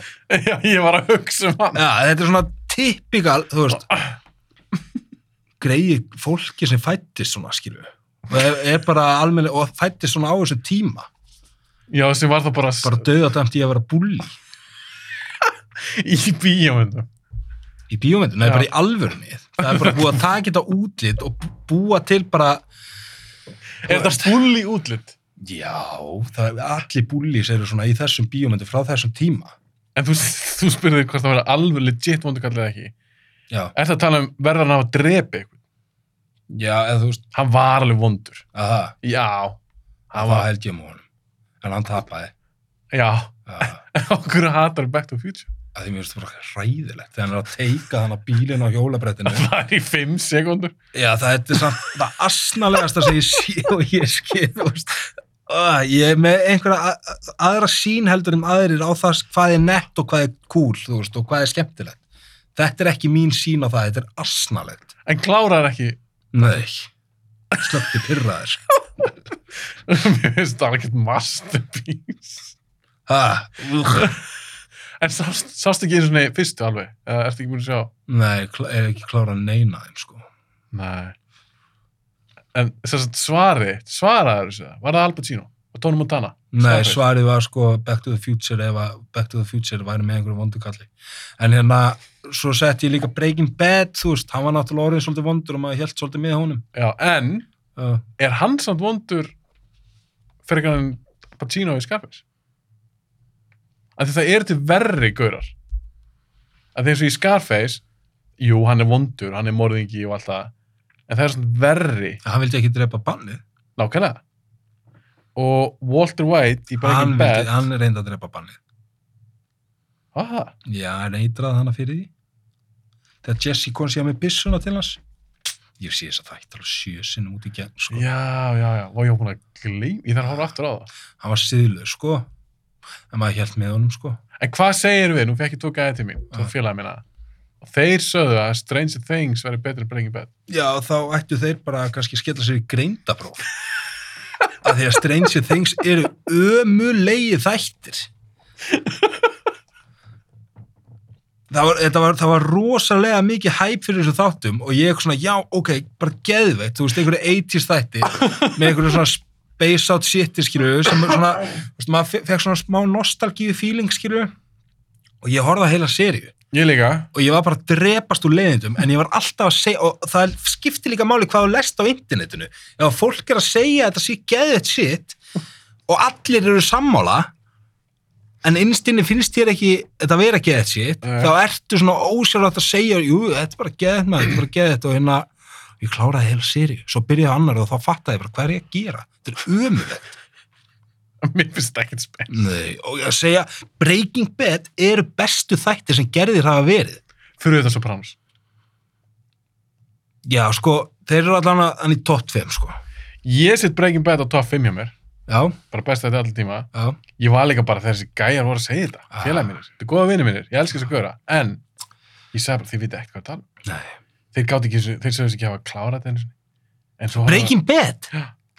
en ég er samt að segja þér að allir Netflix þættir ef það er ekki dokumentari, ef þetta er eitthvað leikið sitt þá er það bara Röst. Eh, ekkert, já, eh, þú veist ég horfði á ósark um daginn þeir eru góður já, þeir eru alveg góðir, en, En- þeir eru ekkert á sama kalibri og Breaking Bad nei, en það er ekkit margar sériu framleitar sem er að þeim kalumir nei, ég vissi ekki sko það er ósrækjant að setja bara alla þætti kannski við hliðin á þeim en þá er svo erfitt þegar þú ert búin að horfa á eins og Breaking Bad Sopranos og, og, hérna, og Game of Thrones að fara að sætta sig við eitthvað verri en það það er bara ekki hægt að mínu mati og þetta er svo mikið skulpið að byrja á einhverju, þú veist, einhverju tíu, tíu þáttar seríu sem að kannski einn þáttur er klukkutími þá er þetta tíu klukkutímar af lífiðinu sem þú kannski eigða í eitthvað sem er ekkit sérstakt en hvað gefur þáttum mikinn sér þú tekur eitt þátt, eða eins og þú sa- sagðist að horta á heila séri að strengja þengs Já. eins og í dag, ef þú byrjar á nýri séri Já, ég byrjaði á ósarkundi, ég tók tvær seríur af því og ég ætlaði að horfa á þriðju Ah. en ég einhvern veginn svona búm, datt út úr þessu allar getur horfum meira Jú, ég ætla að klára þetta, sko. þeir eru alveg góður, Minecraft-vídeóin tóku svolítið veldin, sko. eitthvað heila laust Eða eitthvað heila, veistu, að byggja. En, en hvað, eins og ég segi, ef þú ert að horfa á nýja sériu, eins og Mhm. ósark, ef að fyrsti þátturinn grípur þig ekki, ertu þá bara átt? Eða? Það gefur þeim alveg nokkra þætti. Mm, Ég gef bara svo sjaldan einhverju sjens, sko. Ég er svo rosalega dómarður. Af hverju þetta svona dómarir? Ég veit ekki, það er bara út af þessu sem ég er að segja, þú veist. Breaking Bad er bara búin að eigðilegja sjónvarf fyrir manni. Já. Það er bara hægt að vera sjónar. Ætli það ekki. Það voru bara á Minecraft. bara Minecraft. Ok, svarið var Vondi Gallinn, Biff, hann heitir Biff. Já, Biff. Ég elsku fyrst ekki svona hvað hann, þú veist alveg bara, er Vondi Gallinn? Herðu, sástu, Reyni Bergmann kom til Áski Kolbens í þáttunum um sjáðu, ég veit ekki hvort þú sástu það nefnir Já, ég sá einhverja klippu, og sko. það var gert svo mikið grín að reyna því að hann vissi Hann ekkert vissi mikið um ekki neitt. og ég hugsaði samt með mér, það verður samt alveg gæðan að tala við það. Já, þetta- hann er alveg kunningi minn, sko. Já, Hann er ske- Þetta er skemmtilegu strákur, sko. já. skemmtilegt að spjalla við En, hann. en sásturinni þáttin eða brotu þáttunum, eða þættinum. Ég bara Sá- sá þetta brotana. eitthvað, býttu, Ég man ekki einu sinni hvað, hverju hann var að reyna að svara. Það var eitthvað svona uppáð myndi þín eða eitthvað. Hann, Já, já, já. það var ekki það. Já, hann svaraði vittlust í uppáhaldsmyndiðin. Já, þetta var eitthvað svona, hann vissi ekkert svakalega mikið. Uh, Þannig að ég hugsaði með mér, ok, ef maður meðaðu kannski við hann, já. og nú er ég alls ekkert að drullur hann, Þá er ég ábyggilega sén í þessu. en þú kemst aldrei neðan hann held ég, Nei, nei. í kveikmynda kunnáttu. Nei. Þó þú er ekki vita, Ég myndi líta hann niður á hann. þó þú er ekki vita hverja vondikarnar í Back to the Future. Uh, Ok, Já. næsta spurning Númer 5 Já. Hvaða ofurhetju elska flestir en þér finnst vera alveg glötuð? allt Marvel drastlið. Ég hata Marvel. Marvel er, er eins og mömbulurap kvikmyndasinnunar. Af hverju? Að því þetta er bara tröll ríða senunni en eins og drastl. Það er ekkert alltaf drast Nei, ok, ég get verið sammála um að Guardian of the Galaxy 1 og 2 voru skemmtilegar Ok, en restin er drastl. ertu búin að sjá margar? Já, já, ég er alveg búin að sjá margar sko. Þú veist Iron Man drast og þú veist Avengers myndina drast Já, eiginlega. En af hverju finnst þú það drast? Þetta er alveg skemmtilegt, það ekki?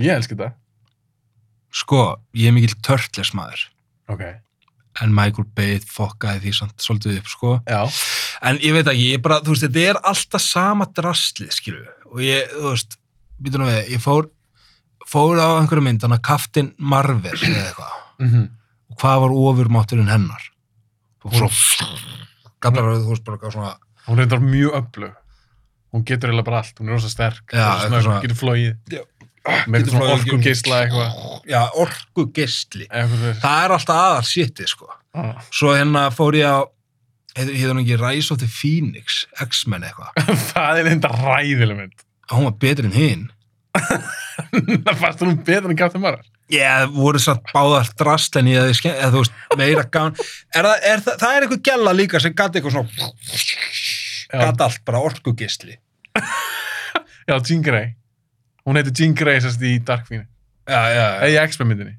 Ekki- já, já, já, x myndinni Já. hún gat svona, hún var svona orkugeisli líka og hún var mjög öflug. þetta er alltaf sama drasli En, en hvað finnst þið þá, að, að ég spurði hvað overhitju? já, Finnst þið einhver overhitja? Finnst þér Iron Man vera glataðar? Finnst þér, er eitthvað sem er glataðar en önnur? er ekki hérna En svo Hulk, fýlar hann ekki? uh, sko, hann er orðinn svalur Já, stór og sterkur og klikkaður. og- já, já, með eitthvað engur issues skilur við, Mm. tengi svolítið við hann en glataðist í gaurinn ábyggilega af þeim öllum er hérna að hérna, þá er ég bara að dæma frá andlitinu, sko Captain America Finnst þér hann glataðar út á andlutur hans? já, Af hverju? Myndalög gauður?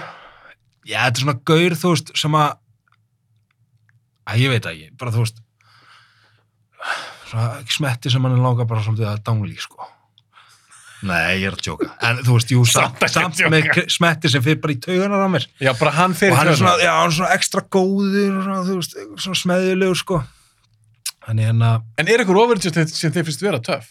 Turtles, Turtles, Það er ekki overhitjur. hvað er það þá?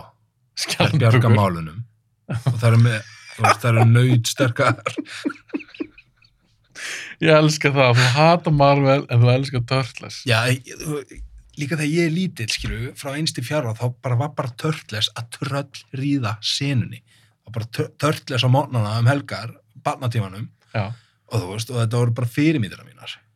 En hver er upp á þessu Turtleskjaldi? Leonardo. Já, minn líka. Lítilinn, Sko. En svo í seinni tíð, sko, þá er ég svolítið að hallast að Rafael, sko. Af því hann er svona töffari. Já, hann, hann er harður, sko. Hann er svolítið harður. Þannig að við þessu spurningu, svöl overhitja eða svalar overhitju, þá segir Það er Turtles. bara, já, já, já, þá segir Törtle sko, en það, svo er eiginlega bara allt marvelt rastlið hana svo sá ég líka eina umulega hvað hétur hún aftur maður? The New Mutants eða eitthvað, það er ekki Marvel samt Nei, ég hef ekki séð hann en hún ávist var hræður. já, hún er ekki góð sko Nei. Hún glötu. já, hún er svolítið glötu mér finnst að Deadpool svolítið skemmtilegur Já. Ok. og Wolverine, hann er svalur sko Sástu Logan? já, mér fannst hún mjög góð sko Ok. mér fannst hún eiginlega bara, bara þegar ég hugsa um loka atriðana, þá fannst mér hún eiginlega trillt sko Já. Það er það, líka ekki... ekki... það, það er líka, þú veist, það er svona mjútin, skilur, hann getur ekkit flóið og skotið einhverjum geislum og eitthvað og flóið um í ge... hann er bara maður sem að bara getur gert svona Með hnífana. sárun að skróa, skilur, En eins og Superman, hvernig finnst þér hann? ömulur. Hann getur allt. Já, finnst þér það glata? Já. En Batman? Batman er skári, sko. Skarri. Já. Ekki flottur, bara hann er aðeins skári. Ég er bara svo mikil törtles maður, sko. En Batman myndinar eru góðar. Ok, þú ætlar hann að gefa hann það. Já. En þá verði ég að spyrja út í eitt, að því ég Mhm. gerir svona á Instagram, mér er svo gana að gera eitthvað svona keppnir. Já. Eða svona einhverja kannanir. Já. Ég, tek alltaf þátt í þið. Já, ég sé það. En síðasta var náttúrulega eiginlega bara ekki, þú veist, ég gætt svarað einhverju tvei myndir, ég var búin að sjá einhverju tvær myndir og ég valdi þær alltaf, skilju. Já, að því að ég er með svona chick Chick flick. flick, já, já, já. Það er ekki alltaf leið, þetta er ekkit fyrir, all, alla keppnir er ekkit fyrir alla. Nei, Þú kannski tekur yfir þátt í þegar ég gerir horror eða, Ah, Já, já, eða, já. eða Marvel keppni. uh, já, bara kýs ég ekki neitt, Ok, fílu. en þá ætla ég að spyrja þig, að því þú ert dómharður, þú segja það sjálfur. Mm Ég spurði, hvort er nördalara mm. að vera Star Wars aðdándi Já, eða Marvel aðdándi? Hvort er þér? það er nördalega að vera Star Wars. Á hverju? Eða nei, að ég veit það samt ekki alveg. Að því að Marvel, er- þú veist, það er alveg búið að vera til ógislega lengi, það er bara nýbyrjað að sína þetta á, þú veist, Gerir þessar myndir. já, að gera þessar myndir sko, þú veist, það voru náttúrulega bara einhver teiknimyndablöð, einhver teiknimyndaþættir og eitthvað svona, og það eru til sko brókaðir Marvel lúðar á núti sko, alveg eins og með Star Wars sko, Algjörlega. þannig er, er þetta ekki bara 50-50? En Ég fíla samt Star Wars sko, Ég, meni, ég er algjörst nörd. Ég fýla Star Wars og Marvel. En mér finnst þetta nördalega Star Wars aðdándi. já, er það ekki, Já, því Marvel í dag, þetta er á svo breiður hópur. þetta er svo mainstream, Já, þetta er á svo mainstream. Já. Star Wars, jú, líka vinsælt. En ég vil meina það að þú tækir tíu manns. mm Tíu Marvel nörda og tíu Star Wars nörda. mm. Og þeir var ekkert inn um búningum eða neitt. en svona allra hörðustu nördana, já, Já. alveg grjóthörðustu nördana þá vil ég meina það að þú getur bent á annan hópin og sagt þessi hópur er nördalari mm -hmm. sko. og það, er Star Wars, já, já, er það ekki? Jú, svona kannski ekki félagslega sterkir Nei. og hérna, já, lifa svona rosa mikið í svona heimi kannski Þessum bara. heimi, já. Já, já. En, svo spyr ég líka, Mm -hmm. hvort finnst þér nördalara? Að vera Marvel-aðdóndi mhm. eða Harry Potter-aðdóndi? Sko, Harry Potter aðdáðandur, þeir eru eiginlega bara, þú veist, það, það má berja þá, sko. þeir eru alveg glataðir, sko. Það er, það er eiginlega að versta að vera Harry Potter-nörd. Af hverju það var? Það er bara eitthvað svo tebrulegt. Já. Mér, Er sammála? já, ég er reyndar ekki saman, það var kannski ekki berja Það, þá. það, nei, nei, ég segja svona. Það er en nú þú grín veist- kannski. Já, já. Öllu grínu fylgir einhver, nei, ég tjók. Hérna, Þau eru sérabóti. Mér finnst það. Já, þetta er svona, þú veist, svona, æ, þú veist, bara, þetta er ábyggilega eitthvað svona lið sem að bara ég persónuleg myndi aldrei tengjast, sko. Af því að það er alltaf eitthvað, það er alltaf eitthvað svona brútal og hart við allt, það er eitthvað svona brútal og hart við Star Wars, skilju. Já. Það er eitthvað, ok, það er alveg eitthvað brútal og hart við Marvel. Eitthvað. Já, Já. Lord of the Rings, það er mikið brútal og hart við það. Já. Svo kemur Harry Potter og það er ekkert. En aðal vondukallin, Voldemort. Það er bara, þú veist, Ekki neitt. bara, að, bara, Það er ekkit brútalega. Nei, hann gæti ekki drepi lítið barn.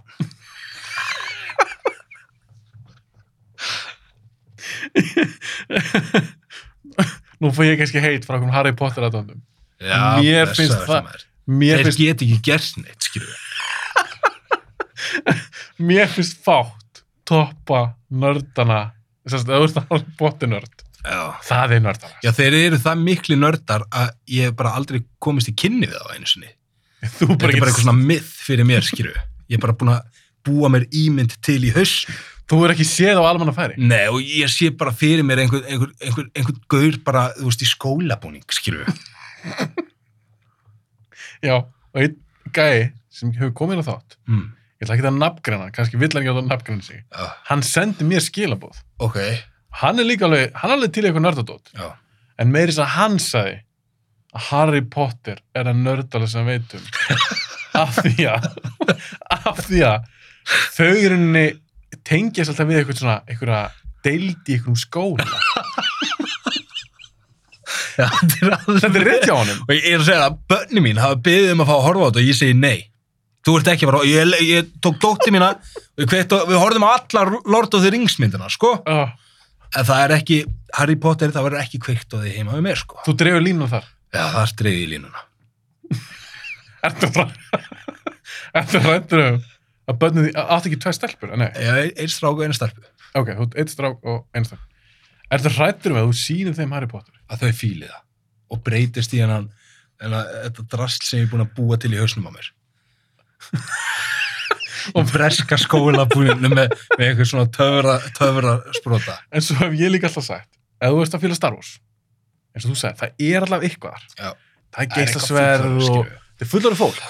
Marvel, Hmm. fullar fólk. En í Harry Potter, Já, bara börn.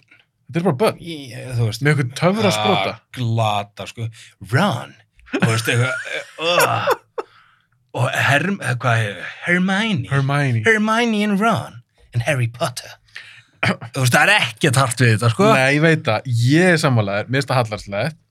Svo var ógæslega fyndi, ég fekk kíló að hötta um Mm. daginn. Við vorum að taka upp þátt þar sem við tala um svona grótarða karakter. Já, Og við tölum einmitt um það áður en við tókum upp. já, Að Við googlum líka. ah, já, já, við, við ætlum að tíu kalla, tíu konur Já.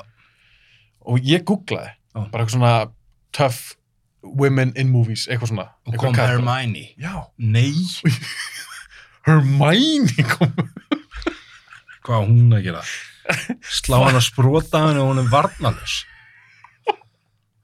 þá ætlar að segja mér það að ég er frekar að vilja hana frekar, frekar en til dæmis Úmu Þörmann í Kill Bill skilur hún er hörð, já, hún er svolítið hörð hún er með sverð hún er Ah, bara, já. skilur þetta er engin keppni en mér varst bara svo fyndi, við vorum að hlæja að þessu við strákanir, fyrir Já, þáttinn, við vorum bara já. að býtu Hermione var okkur listum yfir hörðustu konur ever í kveikmyndum það er pínu skrítið, Ah, já, svolítið skrítið það er pínu skrítið ok, fyrir mér næ- næstu spurningu ég er bara að hlæja svo mikið þetta er ástæðið til að fá það aftur það ert ekki að vita mikið um bíómynd, það er bara með skoðanir það er bara að dæma, dæma þetta í drasl nummer 6, uh -huh. Ok, ég er spenntur að heyra þetta. Þú er búin að vera drullu þessu mikið, nú varst að rósa. Já, Hvaða kvikmynda persóna finnst þér vera grjótörð? Fyrir utan Hermione. hérna, já, þetta fannst mér rosalega erfið spurning af því að ég er svo harður. Nei, tjók, e, þú veist, mér fannst þetta bara eitthvað, ég skrifaði bara dúttin í íkulasir. Já, ég dags fórst hún. Já, hérna, já, Denzel Washington, hann er, hann er grjótharður. Ok, þér finnst það grjótörð. Hann er mjög harður, sko. Ok. Það er eitthvað við þessa mynd sem að hérna, Mér finnst hún geggjuð. ó, ég, já, ég er líka með annan hérna í fucking Taken, Liam Neeson. Hann er líka aðeins. Já, þeir tveir, já, þeir eru svolítið harðir, sko. Ok, þannig að þér finnst alveg, það sem ég ástæði ég gerði þessu spurningu. Mm að ég hugsaði mér, ok, haugur, er hann að fara að koma með eitthvað sem við erum sammálum? Já, Eða ætla að segja bara, ég er mist allir glataðir. já. Ég er ekkert reysið að við sagt það. Nei, ég var, þú veist, fyrst skrifaði allar myndinar sín og Arnur Sossiningur í eitthvað, mér fannst það bara að vera glata svar, sko. Það er pínu boring svar. Það er mjög Ef við erum svar, líka bara eitthvað svona, bara, hvað allan fyrir en hans bara? Já, já. En þú veist, það, þeir tveir, sko, þeir eru svolítið harðir. Hvað gera á harða? Sko, símtali sem hann tekur í teikanana, eitthvað, no, eitthvað, hvað segir hann þetta? Ég er ekki að fara að I þylja know það. who you are, rah, rah, rah, eitthvað svona, eitthvað svona kjáttaði. Já, I'm gonna find you og kill you. Yeah, I Yeah, will find you, I will kill you. Það er alveg, þú veist, það er bílað hart, sko. líka því að hann stendur við það. Já, og svo tekur hann alltaf sama múið. Já, en það er samt svaran þetta sem þú gerir. Nei, það er nákvæmlega svona, sko. Nákvæmlega. en já, hann er grjótarður. Já. Því hann ring, en hann tala við gæjan. Já, og svo fer hann bara til Fraklands. og hann bara græjar það. Já, bara græðir þetta, skilur við? Þetta er ekki flókið. Bara, já, bara gæla mín, nei, hvað, þetta var dóttir hans. Gæla mér, dóttir hans.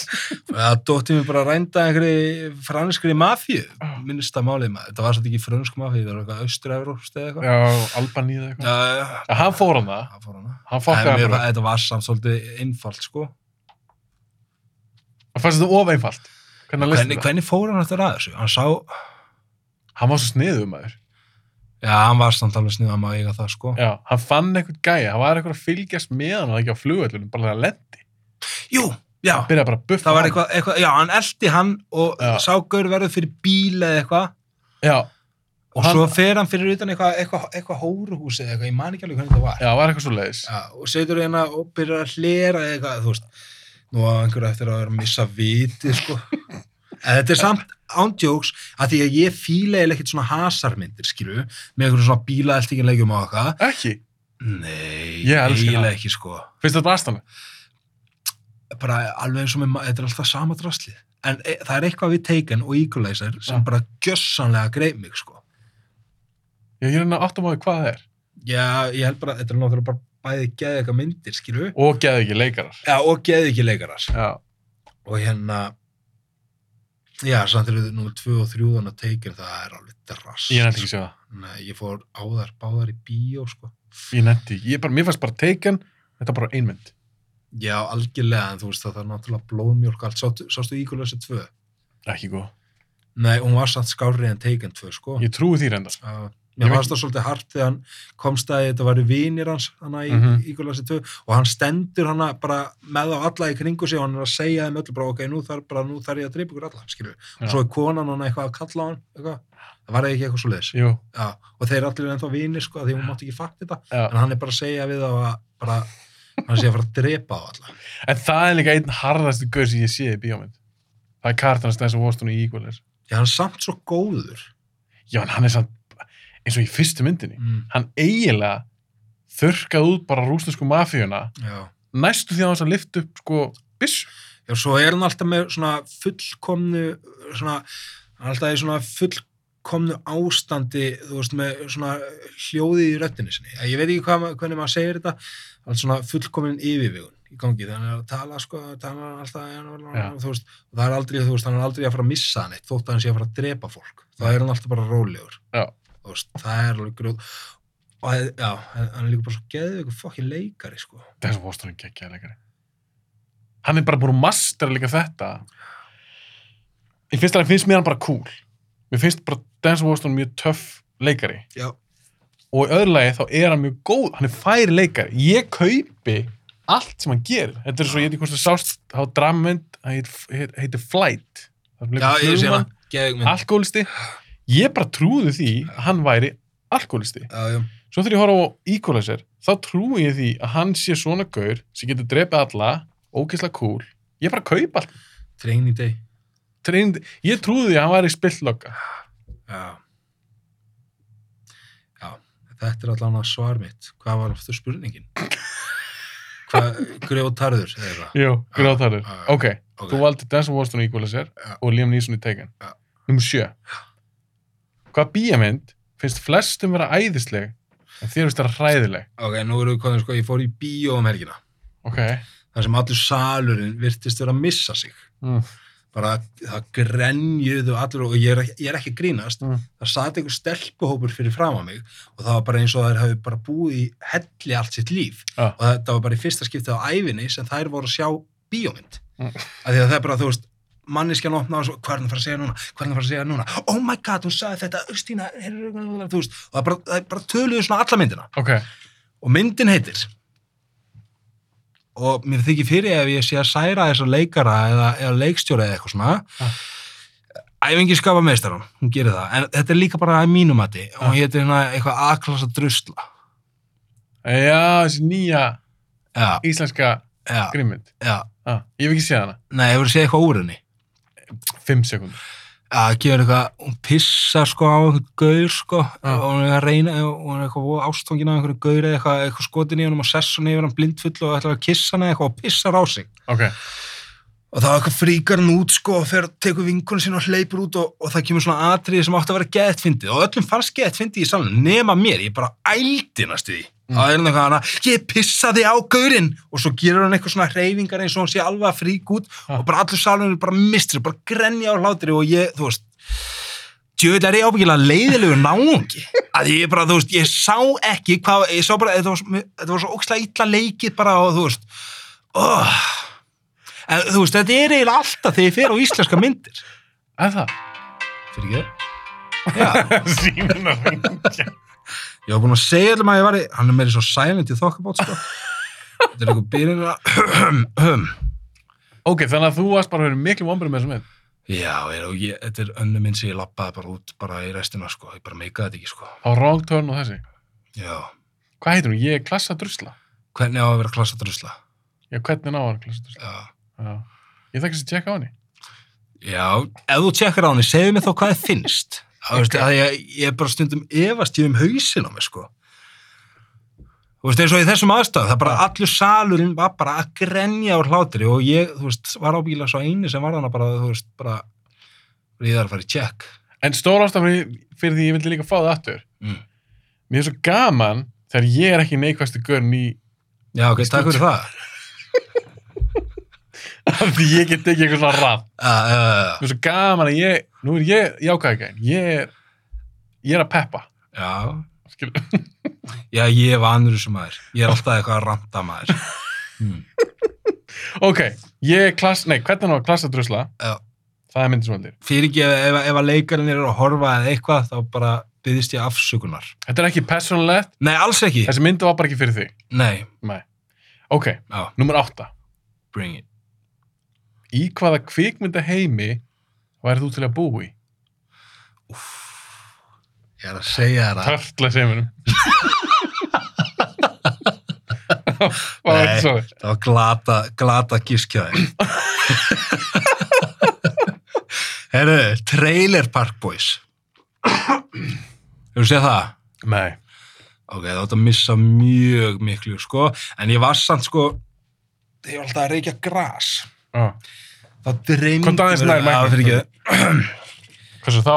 þá dreymdi mér um að vera þannig í þessum trailerparki með þeim og hérna að búa bara í bylnum mínum og rækta einhverja blöndur og, og lifa á einhverjum smáklæpjum, sko, og mér fannst þetta að vera svo, ég er að segja þér að, óh, það var svo og ennþann dag, í dag þegar ég horf að því að þú veist, þeir ná þessu eitthvað svo fokkin vel, sko, þeir ná sko, þeir ná ábyrða leysinu og Mm. þessari svona og þessari, þessum flótta við ábyrð svo ógeðislega vel í þessu þáttum og ég tengdi svo ógeðislega mikið við þá að ég einhvern veginn, þú veist, og ennþá dag í dag, það Mm. bara, ég stundi, ég, ég get, þú veist, ég horfi eiginlega ekki á þess að þætti lengur af því ég er eitthvað að reyna að þroskast hérna uppi sko. þessi þættir einhvern veginn svona, eru bara svona anstaðan við það sko. Já. ég er bara svona, ó, djúvill er þetta næs maður bara, þú veist að brjótast einhvers staðar inn og stila einhverju og selja það bara og svo bara, já, bara að lifa bara á einhverju, á einhverju grasölu og þú veist eitthvað Ok, þú hefði geta valið Lord of the Rings heiminn, þú geta valið Jurassic Park, þú geta valið Harry Potter, jafnvel, en þú valdir en þú valdir að búa í hjólisikari já, í Kanada sko en þú gæti talað sér gert það fyrir í dag já, en þeir eru ekki ekta Já, þú, þú myndir vel að vera með, hanga með þessum gaur já, ég tengi svo sterkt við þá sko Ok, Þetta er svona, já og ég held að flest allir sko sem hafa verið í þessu neyslu bulli og þessu, og þessu, eh, þessu flókta við ábyrð Já. yfir höfuð Já. ef þeir horfa á þessa þætti þá vita þeir hvað þeir eru að tala um ábyggilega ég á það að tvo vinni já, þeir dýrkist það þetta, já, eru þeir er alltaf þeir, að tala um eru þeir hérna, Gáfaðir. bóta þegar eða eitthvað álíka það Nei, nei, nei, þeir, eru- þeir eru mjög fínir og mjög svona skýrir, já, nokkurt veginn já, já, já, já þeir eru með svona ágætt smekk á háum bótum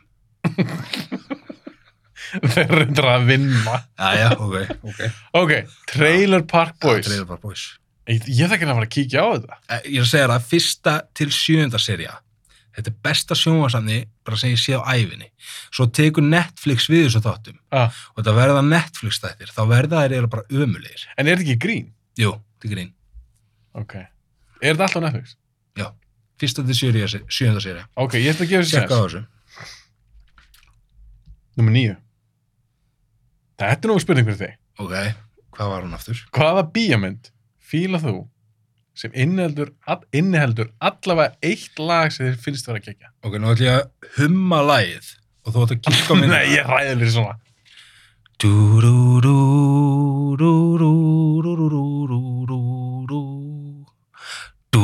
Breifar Já maður Hún er Þú geðvig eru gladur. Já, Það Góð er mynd. geðveik mynd. horfða andan ég fer alltaf næstu að gráta í endan sko Ég, veistu það, ég líka, herðu, Þú töluðu við kannski um hana hérna síðast Minni nei, það. varstu ekki að horfa aftur á þáttur okkar? Ég kláraði hann ekki sko Nei, ok. Ég ger eitt sko að því að ég var að fá hana kvolpana Já. Ég þarf stundum að skilja hann eftir heima á daginn Mm. Það er kannski ástæðan yfir því að það eru svona mörg pleysa á þessu þætti en þá setja hann þátt í sjónvarpi svo hann heyrir röddinn af bíla og svo Nei. það er sko Þess vegna er þátturinn svona vinsel. Já, ég er samt bara að gera þetta tíu sinu kannski eða eitthvað. Hann er komið held ég 600-700 views þannig að það getur ekki verið bara korpurum að kenna. Nei, nei, En ok, Braveheart. Nei, ég man ekki þegar við tala mikið um hann síðast. Mér ámar eitthvað ég, ég hef sagt eitthvað ég fyrir alltaf að stjóða grátu síðast aðurinn þá hefur þú sagt eitthvað sko Það getur Svo verið erum sko. við bull, kannski að enda takkum núna. Já, já, en allan að þessi myndi Geðveik geðveik. mynd. Já, og það eru þú veist bíla, þú veist, og við fórum yfir þú veist, 1 mile, við fórum yfir hann alla síðast, skilur, Já. tvísa sinum Ég ætla að sjá hvernig þú myndir velja hana nefnilega. já, ég, þú veist, þá hefði ég verið glataður Sá skilur, hann er glataður. en hún er að ó, heyrðu, já, Mm. ó, ég glemt að skrifa hann niður samt, Mm. þessi mynd er eiginlega aðal samt, Hustle and Flow Fílar hana? Mér- fíla ég hana, Nei, mér finnst þú geðið. hún er fucking sturluð Já, ok, það hún fyrir. er bara, ég er að segja hana, hún er svo ógeðislega góð, hún er svo eitthvað svo að ég veit það ekki, ná bara einhvern veginn svona andanum svo ógeðislega vel í þessari mynd, Hva- þessu ströggli hjá sem gauður, eitthvað eh, seljandi einhverjar, einhverjar, einhverjar konur skilu og Mhm. bara strögglandi til að lifa af skilu í einhverjum, þú veist hvað er á þetta að gerast í einhverju svona eh, Þetta ekki ekki þar í Tennessee eða N- Memphis. Memphis, Memphis. jú ég held það og þú veist, ná svona hítanum gett vel þú veist, og, og allt að ég veit það ekki, þú veist En þá ætla ég að spyrja þig að einu. já, Að því ég dýrk þessa mynd. Já. Mér finnst það sem fló geðveik.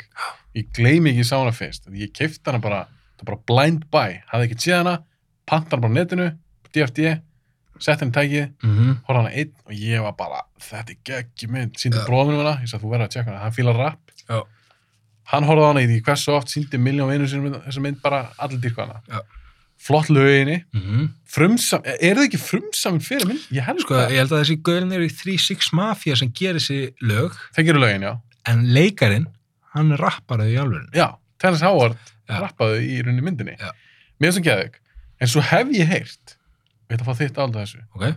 sumir, bara gæjar sem ég þekki, ég skil á einhverju liti Mm. en þeir eiga alveg pínu erfitt með það því hann er mellu dólgur já, DJ, Garðurinn hans, Terra Sáard í, já, já, já, þeir eiga alveg erfitt með að halda mán já, ok, skilur þau, já, ég skil það alveg að einhverju liti, en ég næg bara alltaf að aftengja af því mellu dólgur er alveg náttúrulega bara ógislegt en ég er bara að horfa á svo bíómynd og ég ná- næg að tengja við hennan gæja þó hann sé þetta Já, sko, auðvitað er þetta rámt að gera þetta, en ef þú setur þig kannski í spór svona manns sem er alin upp í svona aðstæðum, skilur Mhm. og kannski einu fyrirmyndina sem hann hefur haft alla æfi eru gaurar sem hann er að standa í þessu, skilur mm. þá einhvern veginn, þú veist, þá get ég sínur ekki- þessu einhvern smá skilning eða Já, algjörlega sko og ég meina þú veist það er rangt að selja eitulif en samt einhvern veginn sko hjálp maður með Al Capone eða ég Já, meina Al Gaurnum Pacino. hana. já, já, ég meina, já, meina honum mhm þú veist, og það er margt rangt skilur en, en hérna En ég var alltaf að lita á Hustle and Flow, mm eins og ég segi, ég skildi alveg. Mm. En ég var alltaf að lita á Hustle and Flow, ekki sem að hann sé dópsali og meldolgur, eða bara rappari. Ég var alltaf að lita á þetta sem mann sem er að elda þessi draumur sinn. Og ég get tengt við það. já, en þú veist, burt sér frá því hvort að maður heldur með honum eða ekki þú veist, þá er bara ekkert verið að skafa einhverju, það er ekkert verið að fínpúsa hlutina skilur, svona er þetta bara, skilur Já, já. og þetta er bara, þú veist, já og það má líka bara stundum alveg sína sannleikan, skilju Mm og ef að fólk, þú veist þetta fyrir fyrir brjóstið á fólki þá getur það bara að fara kveikt á sínum barnatíma einhvers staðar annars staðar, sko En það sem þeir eru voru að segja er þeir eru erfitt með það, því hann er aðalkartin. mm -hmm. Og þú átt smá svona, finnst mér, að halda með honum. Þú vilt að hann nái að gefa út þessa rapplötu, þú vilt að Mhm. meiki það. já, En mér líður alltaf þannig. já, og ég held með honum Já. í, í, í samhenginu í, af þessari mynd, þá Já. held ég með honum myndin náði mér þannig Ég þó að held vera að að- gera ógislegt sko ástæðan er líklegast að við tveir erum eitthvað síðlausir það vantar eitthvað síðferði hjá okkur eða, þetta var að vel skrifa bíómynd já, þetta, þetta er bara bíómynd, skilju já, nákvæmlega ok, þannig að þetta trublaði þig ekkert nei, blessaður til maður þegar varst um geggju Mér finnst þú geðveik, sko. Já. Ég meina, allir þessir fokkin rappara sem maður hefur litið upp til, Mm. þú veist, í gennum tíðina, þú veist, þetta eru flest allir einhverjir fyrirhverjandi afbrótamenn, skilju. já, Fíknefna sálar. já, já, það er endur alveg rétt. já, það, það er góð punktur Mm Hustle and Flow, var það pikkið frekar en breyfart? Já, eiginlega. áttu uppbóðslaga í Hustle and Flow Þau eru þannig tvö, þannig Whoop That Trick og það hérna er svo hana, geggja hana, hana, að ég sem gæla syngur hana. You Eh, know, sorry, I'm here for a pin. Já. Hana, Ah, Já, gett. það er geggja Þurfa, sko, það er líka svo geðveik atrið þegar þeir eru að taka þetta upp. já, maður er einhvern veginn svona kemst inn í sko maður kemst einhvern veginn inn í hennan anda með þeim einhvern veginn, Mhm. þú veist já, ég veðrast allir upp bara við að hérna, maður sér svo mikið að þetta er að gerast hann á staðinu skilur þótt sé leikið, Já. en þú veist og líka það að maður hefur verið í svona aðstæðum að gera eitthvað lög og svo akkurat þú veist, hitti maður á eitthvað sem er geðitt og maður þarf að halda því skilur, Já. svo þetta fari ekki Mhm. og þeir ná því alveg geðvett vel í þessari mynd sko ég er hundrum samanlega Þú veist, ekki og það slö, slökk á viftunum og bjóða, byrja nágrannunum að lækki sér skilur svo ég geti tekið upp þetta lag eða tekið upp þetta demo skilur Mhm. og líka bara eins og með hann hann er að reyna að koma sér á framfæri hann lætur Skinny Black sem Ludacris leikur já, Ah, hann er að láta hann fá demóið já. sitt þá er mér sér bara á kassettu kassetu já, já. hann er svo mikill underdog í þessari mynd Mm -hmm. og maður tengir oftast við eitthvað svona underdogs maður Ah, Já, heldur já, með þeim en mér finnst hún geðvig og geggjur löginni ok, nummer 10, við erum já, klára það já, já. hvað bíjamynd Já. elskar þú sem er annarkvært ógisleg Mm. eða náða að hræða þig já, sko fóru ekki yfir a- allar þessar horrormyndir hann að síðast eða jú, ok, ég get bara nefnt tvær myndir bara sem fokkuðu mér upp skilur já, bara í æsku ok og það er Blair Witch og The Ring skilur Ok. það er bara svona, þú veist ég gat ekki sofið mér loka indi mín bara í tvö ár eftir að ég sá þessa myndir sko Og hvað finnst þér um svona ógæstlið við þar? um eins og með ring, fannst þú svona ógæst þegar stelpan kemur í sjónvarpinu? það varst öllu það ágislegt svo er bara einhvern veginn, mér finnst bara meiri segja sko vídeospólan sjálf og það sem er á þessari vídeospólu þegar ég sé það ennþá dag í dag, Mhm. þá fæ ég svona uh, það er eitthvað það er eitthvað, það er eitthvað trublað við þetta sko þetta er Það er ekki eitthvað- eðlilegt Það er eitthvað svona rám. já, en samt er ekki drámt í gangi þannig þetta er bara einhver kelling að greiða á sér hárið og, og hvað var það fleira, einhver stíi að detta og stóll eitthvað sem snýst í ringi En ert þú að tala um amerísku endurkjana eða upprunalegu japansku? aðmeri sko Japanski er verri, sko. Þá er ég að tala um upp á ræðamann. Ah. aha, Fó. Ég sá nefnilega bandarsku, mm. það er kannski bara ár síðan. aha. Já, ég sá Já, japansku ok. þegar hún kom út. Hún fokkaði mér upp verulega, sko. Þetta var svolítið þannig á þessu tíma, þá voru sko bandaríkjumenn að endurgera svona japanskar hryllismyndir. Allar japansku hryllismyndunar. Hvaða fleiri myndir voru? The Grudge, Já, Dark Water. já, Dark Water, maður. Eliza Lam, hefur það heyrst um það mál? Er það að tala um kona sem að hverju ykkur í liftu eða eitthvað? Já, Er það sem er á Netflix núna? já, En ég held ekki bara eitthvað, hvað kjæfti það? Var hann ekki bara veik þessu kona? Bara geðra vandamál og eitthvað? Var það ekki bara svoleiðis? Það var ekkert eitthvað svona draugadótt eða eitthvað? tjekka á þessu þáttum. Ég, mér finnst þetta mál mjög athugað- áhugavert, sko. Er það? Já, ég meina þú veist, já, það er það, sko. Þið gerðu fokkin heimildamindir um þetta, þú veist. En er, einhverja svo þætti. þetta er sérið eða ekki? Jó, ég held að. Ég er ekki búin að horfa á þetta allt, sko, en ég ve- þekki alveg málið út í gegn, sko. Já. Ég er búin að vera á YouTube í dag, skilur. Og er þetta áhugavert? Mér finnst það. Eða er, og er ég að fara að horfa á þetta og segja sem bara, nei, hún er bara, allir sem Þetta er bara sko. tjekka á veik þessu, manneskja. tjekka á þessu máli finnst þetta að vera áhugavert. En ég mæli með því. Ok. Mhm, mhm. en vill það meina að þetta sé eitthvað svona yfirnáttúrulegt í gangi eða? Ég veit það ekki. Veit það ekki maður. En ég er að segja þér Er að það hefur tísa séð... sé... núna? Er það hann að gera mig spenntan? Nei, ég er samt að segja, sko, þú veist, hefur séð vítjóð af henni hérna hann liftunni. Já, hefði þessi skringilega? Það er hún sem- Þetta er bara fókt. Þannig með hendunar eitthvað svona, þú veist, ég er að segja þér að þetta er viðbjöður, sko. Það er eitthvað spooky í gangi. Er það að þarna, segja að sko. þetta sé eitthvað, eitthvað í gangi? Eitthvað Ég- skrítið? Já, heyrðu, hún fannst í einhverjum vastangi á einhverju þaki, skilju, byrja að rotna og þeir fundana af því að vatnið sem hótelgjastinni voru að drekka var eitthvað skrítið á bræði. Þannig að þeir tjekkuðu upp í vastanginu og þar fannst þessi stelpa sem hafi verið búið að leita að allan tíma, skilju. Og er engin svona áverkar? eins og okkur- Nei, mér minnir ekki, sko. Ok, ég þarf að kíkja á þetta. Já, tjekka Þú það. náður að senda mér þetta. Já, En þá verð ég aðeins að spyrja, ég held að við höfum ekki tala mikið um þetta síðast. Ok. ég hef kannski að horfa aftur á þáttun okkar. já. En sem þetta er drauga, já. trúar að drauga. Vorum við þetta síðast líka? Ég held að þetta sé nákvæmlega, ég, seg, ég, seg, ég held að þetta sé nákvæmlega sami tónni í röndin og allt. Trúar að drauga? Ah, ég er fann að endur taka mig málefla, ég er fann að gefa út núna mér til varnar. Já. Mér til varnar, svolítið síðan að við hittumst. Já, En ég tók núna upp þátt um daginn og ég er fann að gefa út núna bara bráðum, svona horror þátt. já, Uh, næs. Það er árið með tvo stráka.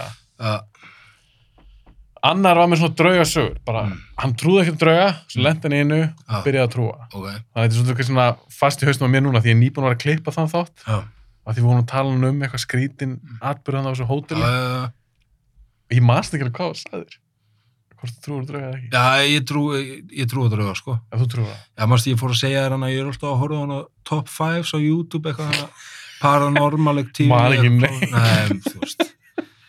Þetta er svona, þú veist, ég er bara, eiginlega- þetta er bara hljóðminni mitt, sko. já, Það er svona ok. manni þetta, sko. já. ég, þú kom svolítið seint í þættinu þannig ég er ekki búin að sjá þetta þú veist, þegar ég er að kveikja fyrir korpi minn sko, það nægi þessu aldrei sko. en þannig að þið sem eru að hlusta eða Mm. horfa núna þennan þátt já, ég vil að afsaka það að ég skilta að hafa spurt haug aftur að því hvort hann það er trúir á drauga nákvæmlega sama spurning með nákvæmlega sko sama Og sami tóni svipur og allavega. sami svipur já. trúar að drauga mér finnst það bara gett áhverð topic já, þetta er það sko ég meina, það er alltaf gaman líka þú veist, það er eitthvað, það er eitthvað við það að spá í þessu sko, Mhm. þetta er eitthvað spooky sko en því mér finnst líka áhverð þegar ég spyr fólk að þessu mm. og það segir bara, nei ekki séns, trú ekki að drauga Mm þetta er bara allt gert það minnst það líka alveg áhugavert já að þeir sömur trúa bara ekki á neitt Já, þetta sagði hann líka nákvæmlega síðast að, og þá sagði ég ekki, þá sagði hann nei og þá sagði hann líka hérna og þið trú ekki einu svona að þið séu með sál og ég sagði Ég- ekki, eh, eh. nei og mér finnst það að vera svolítið leiðrætt og þá segi ég, já, það verður að vera einhver hérna, rúsina þannig Veistu það, ég, ég ætla að klippa þetta úr þetta með þessum. Nei, ekki það. Ekki. Nei, þetta er fyndið. Ég er samt að djók, ég klipp ekki neitt. Nei, Mér er þetta alveg sama. sama, maður. Þó fólk sé eitthvað, "Ö, þú spyrir hann eftir að Já, þessu. já, já. Þeim er bara að fokka Ég sér. líka, þú veist, hvað er ekki, fimm mánuði sem við hittumst? Jú, eitthvað svo leiðis. Ég hef hitt að miljón manns. Já, Úlfur var ekki komið til mig, sko. Nei, varst ekki komið greininguna? Nei.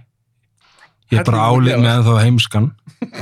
Varst ekki búin að gifta þig? Nei, hellingur búin að gefa smá. Ekki búin að gefa, eh, já, ég er náttúrulega ekki búin að gefa út plötuna. Nei, en hún er hún að detti í hús. Já, þetta er hús. Heitir Óreiða. Já, Hvað er komið þarna á plötunni? ég veit það ekki, ég, þú veist, Þú veist, Er eitthvað svona þema? Er það hann að segja eitthvað með þessar plötu eða? mei, sko, ég var stattur, sko, þetta er svolítið vikingalegi stafir, sko. Já, mitt. Ég var statt, og svolítið vikingarleg mynd líka sko. Ég var stattur hérna, ég var ekki stattur, ég var að taka einhvern fjár, ég var í fjarnámi sko. Já.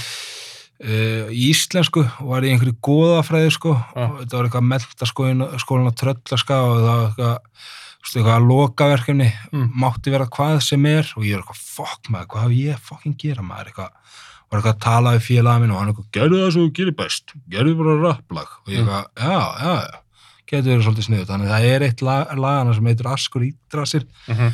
sem er hérna svolítið vikingalag sko og og ég, það var líka með síðustu plötu, það var langað mér að hafa svolítið mér veist ekkit hallarislegra en þegar íslenski rappar er að reyna að hafa eitthvað svona New York þema, eitthvað svona, þú veist kveiki í einhverju ruslatunnum og rappum einhverja byssu sko, mér langar að hafa þetta svolítið íslensk þema og vera svolítið stoltur af því að koma frá fokkin Íslandi mhm, í þessari náttúru skilur og hérna og síðasta hétt Eyðibíli Einmitt. það er svolítið íslenskt sko Já. þannig já, En þú ert haldið það. já og þú veist það er það sem að gera íslenskt rap sérstakt Hefur eitthvað hugsað um að því að Kíló, mm góðu vinnu þáttarins, -hmm. hann rappar á ennsku. já, Hefur eitthvað pælt í það að rappa á ennsku eða hefur bara engan áhugaði? ég væri til í að þú veist, geta, en, þú veist getan er bara svo rosalega eh, sko, ég er svo góður á íslensku Mm. og ég er svo vanur í að vera svona góður og ég er ekki nærrið að góður á ensku og ég er, þú veist, íslenska er tung, tungumar sem ég hugsa með og tala skilur, mm Mhm. tjáum mig út frá þannig, Þú veist, Ég make ætla- a mess sense bara að þú rappar á íslensku. Já, og það er eiginlega ekki teltur eitthvað hallarislegra en einhver íslendingur sem er að reyna að rappa eitthvað á ensku og það kemur svona íslensku reymur. Já, Kíló er nefnilega ekki þannig. Hann er Nei. alveg svona með bandaríska reymskil. Já hann líka ólst upp í bandaríkjónum og einmitt, hann er með eitthvað tengingu við bandaríkjum. Já. Og hann er með, einmitt talað um það, honum veist bara auðveldarinn að tjá sig á ennsku. Já, og ég hef heyrt það sko frá fólki sem hefur alist upp á Íslandi en einhvern veginn sko talar við hvort annað ensku, einhver svona, einhver, einhver ungt fólk. Alls upp á Íslandi. Já, þetta er bara- ungt fólk að byrja að gera þetta í damaður, tala við hvort annað ensku bara. Já, já, ég meina þú ert Íslandingur, Mm en þú talar samt Ensku. ennsku. Það er bara þitt tungumál sem þú talar frekar en íslenska. En það er aðalega ungt fólk. Já, það er Það er aðalega ekki ungt að tala fólk. um YouTube-kynslóðin. Jú, jú, jú. Já. að þau segja sko að ennskan er bara miklu, miklu einfaldara tungumál. En það er líka ennskan er svo mikið í kringu. þau. YouTube, Facebook, Sko, Instagram. Já, hún er náttúrulega bara allstar sko. Já. Snapchat, tölvuleikir, Minecraft og allt já, þetta. já, Minecraft maður. Já, ná, tengið við tölvuleikin. Já, En þetta er alveg svo mikið á ennsku, þetta er alltaf ennsku. Já, já, Þannig að krakkar í dag, þeir alast bara rosalega mikið upp við ennst, ennst tungumál. já, já. Algjörlega, en það er líka það sem gerir íslenskt hiphop svona sérstakt, það er þetta tungumál. En, en hlusta þú á sjálfur, Mm. hlustar á finnstrapp eða norstrapp eða... Nei, sko, ég er ekki alveg nóg duglegur að kynna mér það, Ah, en maður heyrir alltaf ef rap er gott, þá heyrir þau bara, skilur, ég hlusta e- e- ein minn uppáhalds rapgrúpa en að Het Verset, Mm. þeir koma frá Hollandi, ég skil ekki raskat hvað þeir segja, en ég bara finn bara finn bara einhvern veginn flæðið og rattbyttinguna og bara feelingin og orkuna sem þeir koma með, skilur og hérna þannig stundum rappa ég með, skilur, þótt ég veit ekki hvað ég er að segja En þannig að ef, ef þú hlustar á, eins og þú segir, þetta er hollensk hljómsveit, viltu að frekar að þeir rappa á hollensku heldur en að rappa eitthvað ensku? sko, ef ég ætla að hlusta á að rappa ennsku, þá hlusta ég bara bandarist rapp Já, eh, það er mitt. Eða Þú veist, breskt þar eða er, eitthvað. þar er það best, skilur Hlustar Já, já. mest á bandaristra? Já. Ef þú hlustar mest á, á ensku, rauninni, rapp á ensku. Já, já, já, já, ég meina það er til, þú veist, bönns af því maður. Það er voða takmarkað magn af hérna íslensku rappi, skilju. Hvernig finnst þér íslenska rappar að vera svona yfir höfuð?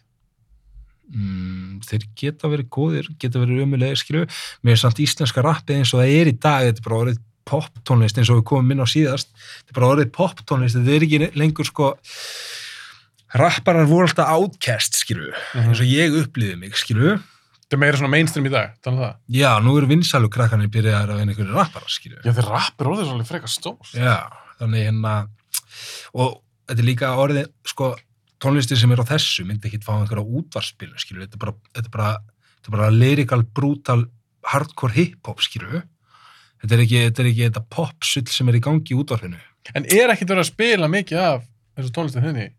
í útvarfinu, Já. bara ekki raskat sko E- Og er það út af einhverjum textum eða...